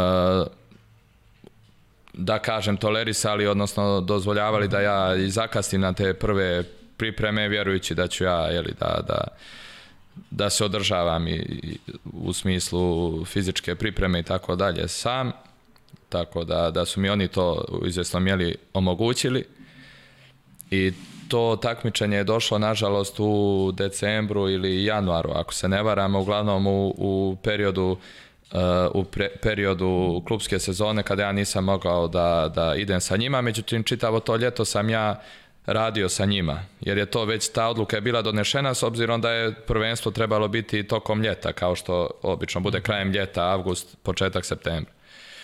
I mislim da se radi zaista o jednoj odličnoj generaciji, e, već Đuro Radović već je standardni reprezentativac, da. već e, nosi igru Jadrana već nekoliko se, mhm. sezona, ima nekoliko mladih igrača da ih ne spominjem koji će vrlo brzo, vrlo brzo uh,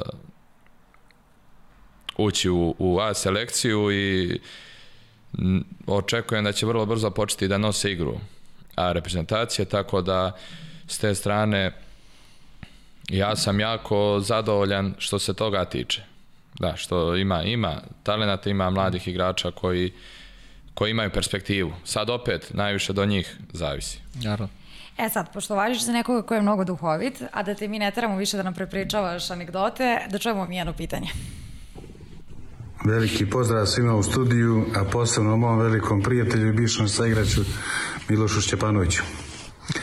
E, bio se jedan od najstarijih i najiskusnijih igrača e, u Jadranu te godine ali smo svi znali da si ovako volio da se našališ, na tuđ račun i da napraviš neku škercu, što bi se kod nas na Primorju reklo. Pa smo svi bili oprezni da nas nešto ne zazneš.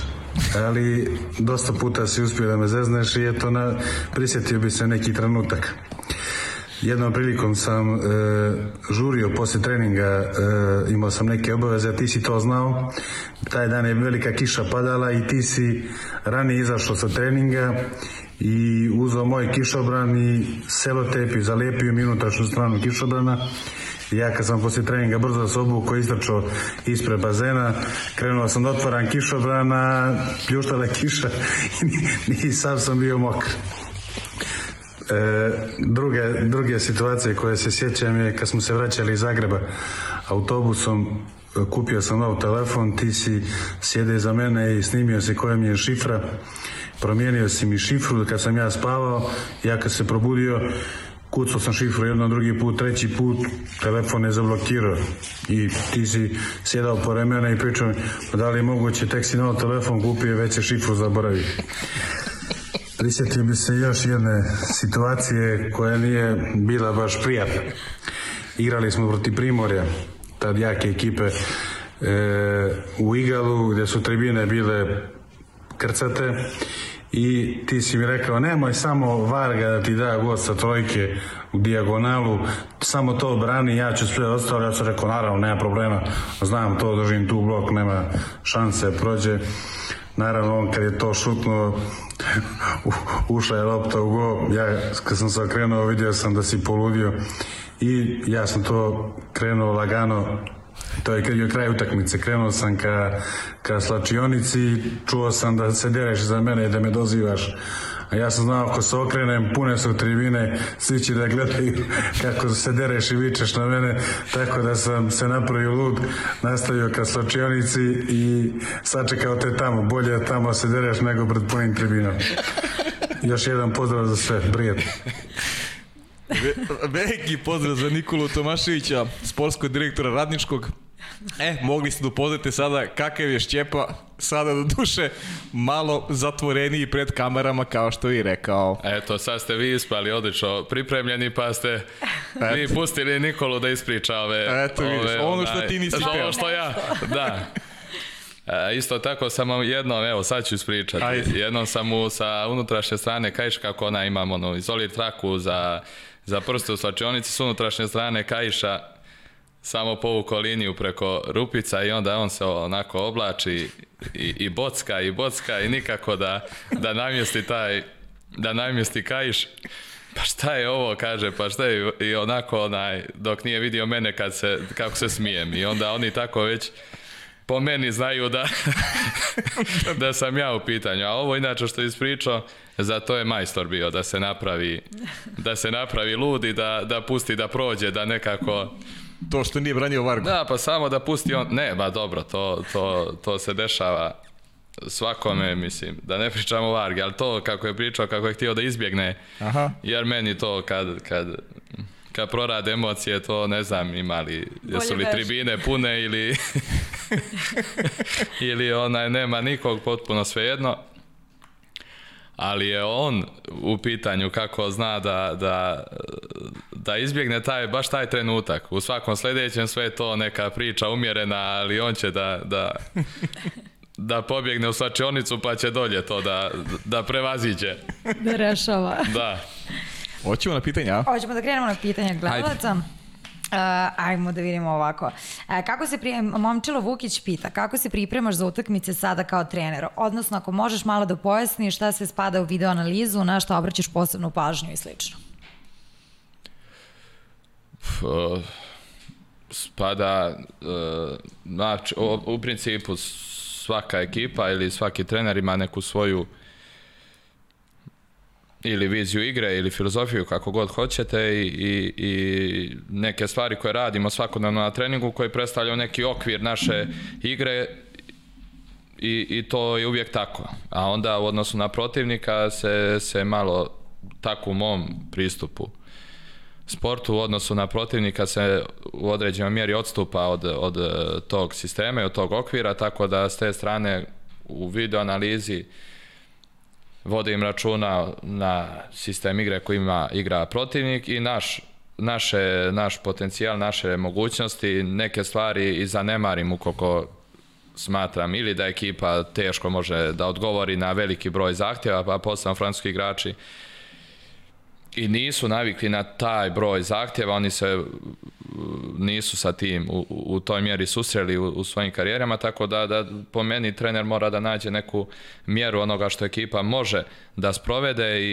i, a da ne preoptereti sa, sa informacijama da ne, u, isto, u istom momentu ne, pre, ne preoptereti ekipu sa, sa informacijama. Tako da, na šta vodim, vodim na sve, u principu, na sve mm -hmm. i ono u principu najviše potencijala na stvarima koje prešta, predstavljaju suštinu igre e, protivnika i na ne, te neke ključne stvari koje smatram da treba neutralisati da bi se pobjedila ta utakmica. E, nadovezat ću se samo da li je lepše i da li je lakše igrati ili biti trener? Pa šta, ja, ja neću stvarno nešto da, da, da patetišem. Ja sam jako volio da, da igram, volio sam takmičenje prije svega, to sad shvatam.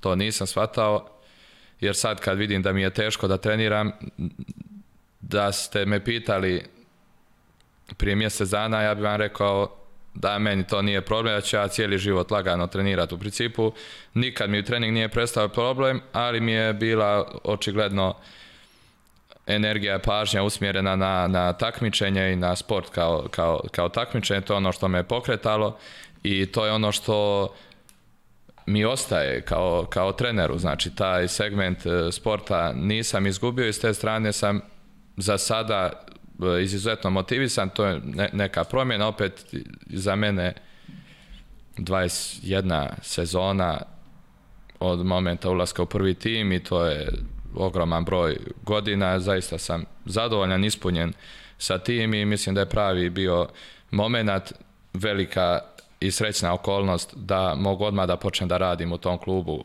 u kojem sam završio karijeru i s te strane sam za sada i kao trener jako zadovoljan, jako motivisan. To je sve što mogu da kažem za ovaj kratak period, da je to posao koji me izuzetno privlači, raduje i, i osjećam jednostavno naboj uh, koji sam imao i, i kao igrač, ne na isti način, iskreno, ne na isti način, ali, ali to je to. Ostajem u sportu, dijelim istu strast koju sam imao i kao igrač. I kao igrač. Jelena Stjanović pita, e, ona je još jedan naš onako vjerni saradnik, sa koliko godina je naučio da pliva i da li je naučio na moru ili bazenu? Sa 38.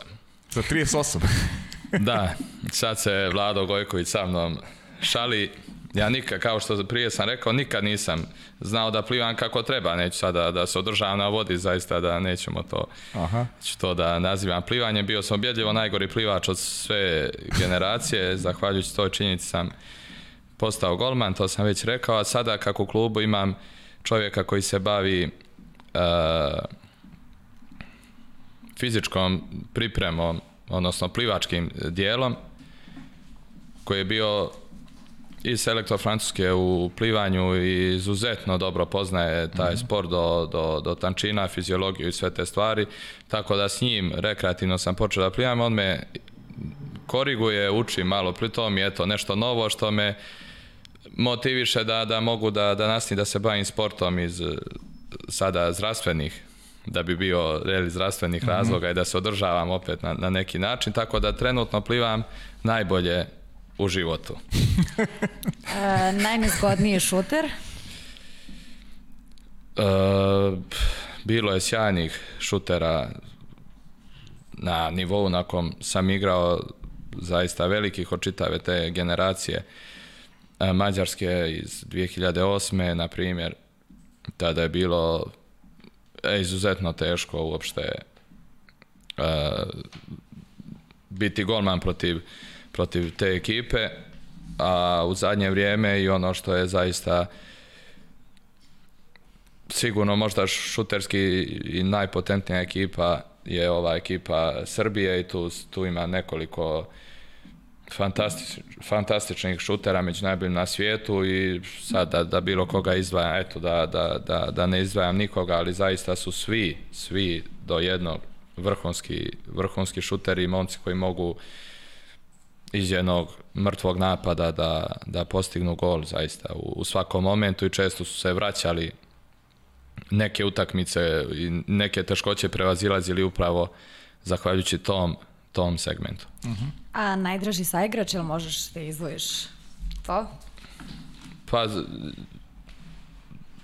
opet bih izdvojio e, ljude s kojima sam odrastao, opet bih rekao i uh, i Vlado i Boris i, i Peđa i Jokića, sa njima sam počeo, sa njima sam proveo cijelu karijeru, pa i ta generacija kasnije sam postao i prijatelj veliki sa, sa Nikolom Janovićem i sa Lekom Ivovićem i tako. Mhm. To su momci s kojima sam igrao cijeli život i, i, i u svakom smislu su, sam ostao blizak sa njima. E, ja bih se vratio, imaš veliki pozdrav od Sandija, Sandija Martelja, on je više represivac Slovenije i redovno učestvuje u našoj emisiji, postavlja pitanja, e, ima tri pitanja za tebe, kaže koje su po njemu najveći razlike između Vatepola pre 10 godina i sada i što on sada najviše traži od svojih igrača? Pa definitivno se Vaterpolo ubrzava uh mhm. -huh. i ubrzao se izuzetno i ti su dueli i kretnje i na nogama i, i polazi su izuzetno intenzivni i, i zaista je kada vidite to igrača koji, koji, koji to zadovolja zaista je impresivno u ovom momentu ali e, rekao bih da je vještina ipak na strani e, te starije generacije tih igrača od što, što je on rekao prije, prije 10 godina, ipak je tada ta, ako se gleda na primjer šut što je najlakše najlakše onako da, da gledaocima da, mm -hmm. da najlakše vidljivo, to, to je bila čitava lepeza tih šuteva koji u tehničkom smislu su se izvodili besprekorno kod velikog broja igrača, sve te neke kretnje su bile tehnički besprekorne, dok je sada onako u fizičkom smislu to mnogo intenzivnije i, i, i to je to. to. To je neka po meni ključna razlika. Mnogo je više te kretnje i na mnogo, mnogo intenzivnije. Uh mhm. -huh. E, Sandi, Sandi pita isto, koji klubski trener je trenutno najbolji i zašto?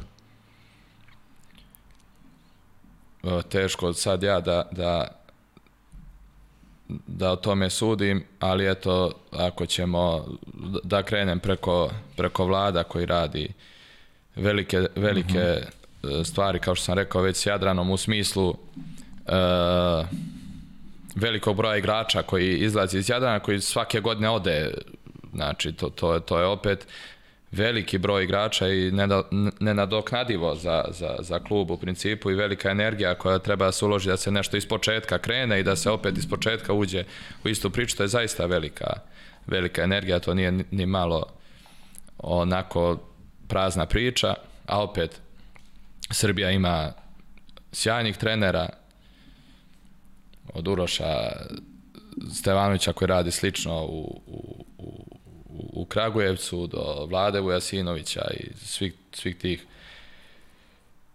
trenera. Što se tiče ostalih liga, eto, ne znam, meni je i dalje ipak najbliži ovaj naš sistem i mhm. filozofija Vatrpola. Pretpostavljam da su svi ti treneri koji vode uh, evropske klubove o, sigurno sjajni u, u, u, u, u u svom poslu, ali ono što gledam i ono čime se rukovodim, što je blisko meni i moje filozofije, to je u tuda, u region. Uh -huh. A kog igrača bi volao? Vjeko Kobešćak, naravno. Vjeko da. Bešćak, da. Kog igrača bi volao da treniraš? Pa već ga treniram. Neće da kažeš koga, dobro.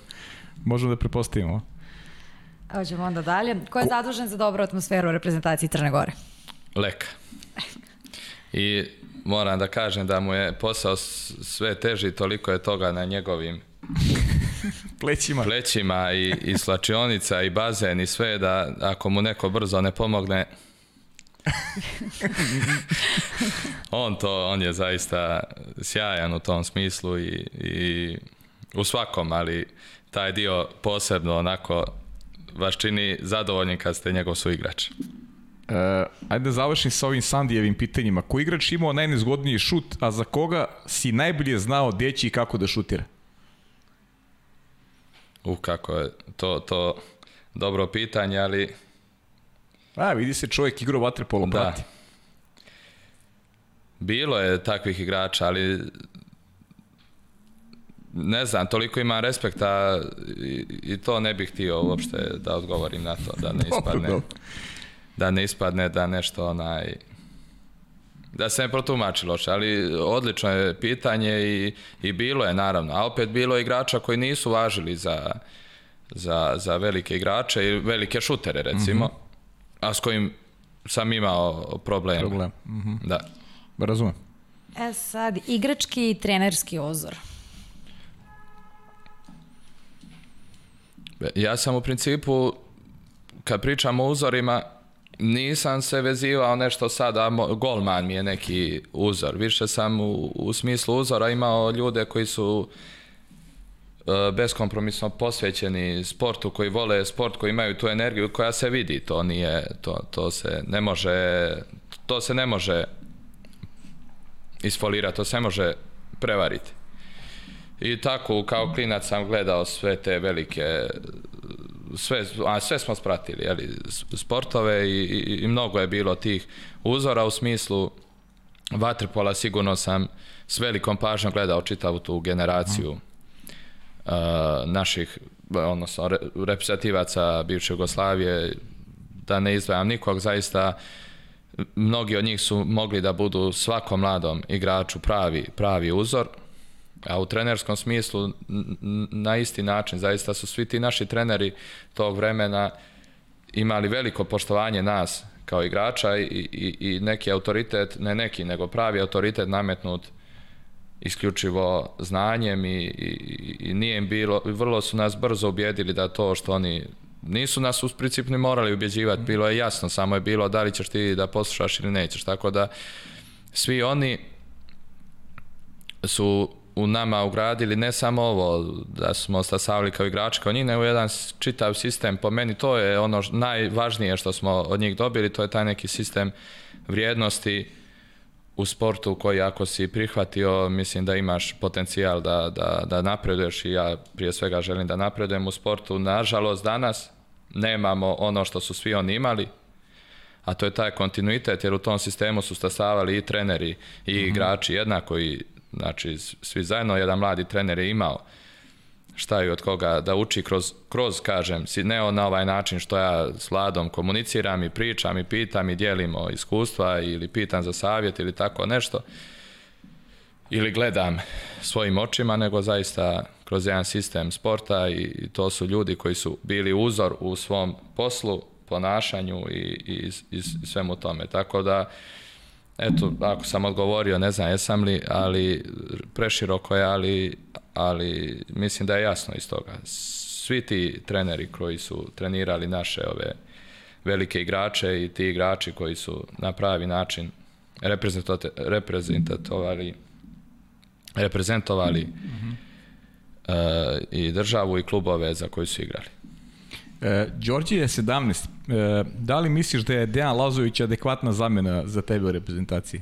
Da, apsolutno. E, Deki je već veliki golman i, i to je to. Nema, nema dalje od toga on i on i svi drugi moraju da rade, da se usavršavaju, ima prostora uvijek, uvijek i, i to treba tako da razmišlja i on je već veliki golman, nema priče. Mm -hmm. E, a ko bi bio golman u tvom idealnom timu? Denis Šefik. Denis Šefik. Uh, Jelena kaže ovako, podsjeća čisto da si pored svih sportskih odličja da te sad, nažalost, pokojni mitropolit Crnogorsko-Primorske Amfilohije odlikovao 27. januara 2013. godine zlatnim likom mitropolita Petra II. Petrovića Njegoša za vrkuska sportska ostvarenja. Preposijem da ti onako i to, pored svih trofeja koje si osvojio, da i to ima i tekako uh, e, veliki značaj za tebe kao, kao, kao čoveka? To je sad onako uh, neka uh, u principu priča vezano za, za a opet za neki sistem vrijednosti čovjeka, intimna neka priča i i u slučaju da, mislim, to definisati nije, nije u principu lako, meni, meni to odlikovanje e, znači, ali e, to je odlikovanje, znači došla nije, u principu bila je tu zašto samo nas u principu uh, odnosno mene i, mm -hmm, i vlada, i vlada da. u tom momentu ja sam u najkraćem rečeno praktični e, vjernik i mm -hmm. u mhm. principu to je to je poenta pripadam zajednici i iz tog razloga je to odlikovanje došao, znači nema nikakve tu, ne bi volio da ima neke negativne emocije prema tome u smislu da se time umalovažava neko ili da se neki preveliki značaj meni kao religioznom čovjeku vrlo je jasno da to odlikovanje u principu je lijepo i znači, ali ne govori ništa, ništa više od toga, niti mi daje neku posebnu vrijednost koju drugi, drugi momci nemaju. Mhm. Uh -huh. I hoćemo za kraj ovog bloka pitanja gledalaca da te pitamo životni sportski moto.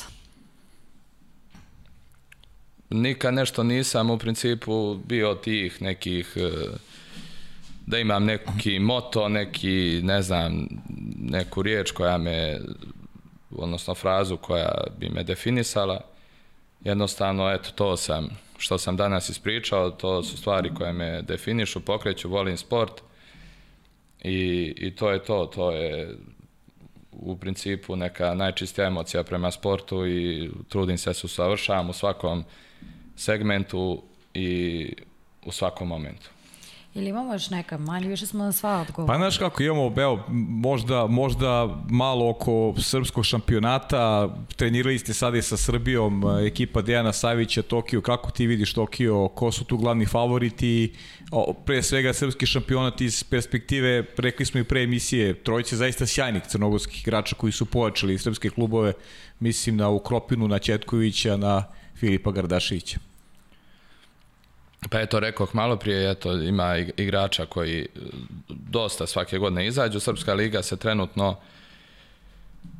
e, pojačala i pojačava po ovome što ja uh imam e, informacije. To je u svakom slučaju dobro i, i, i lijepa vijest za nekoga ko voli vaterpolo da bilo gdje, a eto, u svakom slučaju e, pozitivno.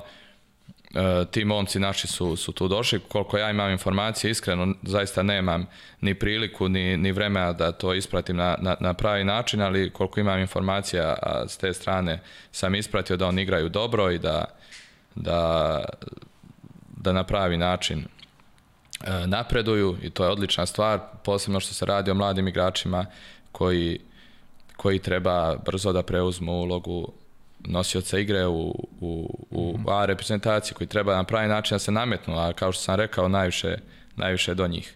Uh mhm. -huh. Tako da pozitivno, u svakom slučaju, eto, želim sve najbolje svim tim klubovima i da se na pravi način, da se pojačaju na način na koji oni žele i da, da, da do, dođu do najvećeg nivoa. Ok, i, kost, i favoriti za Tokio? Da, to sam zaboravio. Za, za Tokio svakako, evo, zadnjih par takmičenja, ako gledamo ko se nameće, to su Srbija svakako, Španija, Hrvatska i Mađarska, to su ekipe koje, mm -hmm. ako gledamo rezultate, a i igrački, svakako ekipe koje, koje se onako izlaze u, u prvi plan u ovom momentu. Mm -hmm. to to? To je to, pa. Mislim, manje više smo prošli sva kroz, pa, manje kroz više, da. razgovor. Da. E, mi za kraj najviše volimo da spomenemo i porodicu, pošto bez porodice ništa, pa evo ovom prilikom da pozdravimo i tvoju.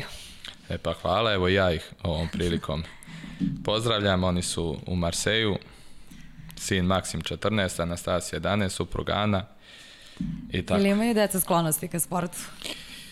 Uh, sin trenira vaterpolo brani u, u, u brani u, u klubu, ali njegova prava ljubav je jedrenje i hvala Bogu tamo ima tamo ima priliku da, da, da to na pravi način radi, zaista to voli i meni s moje strane mnogo lakše da ga podržavam u tom smjeru i to se trudim da radim i, i to je to. Znači, voli, voli jako jedrenje, jedri u Herceg Novom i mislim, i ja otkrivam taj sport kroz njega i naš odnos mislim na taj način mnogo i zdraviji i lakše meni kao roditelju da, da podržavam, kažem. A čerka trenira tenis na nekom nivou, tako u, u, u Marseju isto i to je to. Ja e, ćemo ženi da obećamo da će da obiđe Provansu sad. oće, oće. Čim, čim, čim, čim, šta? čim prođe korona. čim prođe korona. Ništa, meni ostaje samo da, da ih pozdravimo i da tebe pitam, pitala sam ti na početku kako ti se čini studio, sad da ti pitam kako ti se čini intervju. Da ja, jako mi je bilo prijatno, eto, uh, nadam se da prije svega da sam ja onaj uspio da, da ispunim vaša očekivanja, to, to mi je prije to svega. sigurno jesi. Jesi sigurno. Onaj, najvažnije što se mene tiče, zaista rekao sam i, i na ulazu ovdje e, Pavlu, mislim da, da je podcast sjajan, da je ideja sjajna i da, da je velika stvar za, za, za naš sport, jer se ovdje nekto ispričaju neke priče koje su i meni interesantne da ja čujem od, od, od tako ostalih igrača koje u principu se nikad ne mogu ispričati kroz ovako intervjue koje mi obično kao sportisti dajemo, koji su nekako ono tipski i već kao da je svaki isti u principu. Mm. Šta da kažem, meni je, prvo da ti se zahvalimo što si došao još jednom i da kažemo da je stvarno veliko zadovoljstvo jer smo ove dve nedelje imali a, dva crnogorska reprezentativca, velikana. velikana. Jest. Ove, ovaj, nećemo da i najavljujemo sledeće goste ili da držimo mi malo ne, gledalce na izvesu. Nećemo da najavljujemo ništa s obzirom da korona, reči Miloš, korona je, pa ajde da, da sačekamo. Mislim da smo zaista bili vredni tokom, tokom ovih novogodišnjih praznika, pa o tom potom kako se bude situacija odvijala, e, pratit ćemo je i ugostit ćemo svako e, neko veliko vaterpolo ime uh, u nekom narodnom periodu Kao sigurno. Kao i svaki put do sada. Kao i svaki put do sada, tako je. Ostaje ništa da vam se samo, da vas pozdravim, da vam kažem da uživate u intervju sa Milošom, Milošom Šćepanovićem, a i da pratite naše Instagram profile i šaljite pitanja za naredne goste. Mi ćemo sve mu blagovremeno obaveštavati.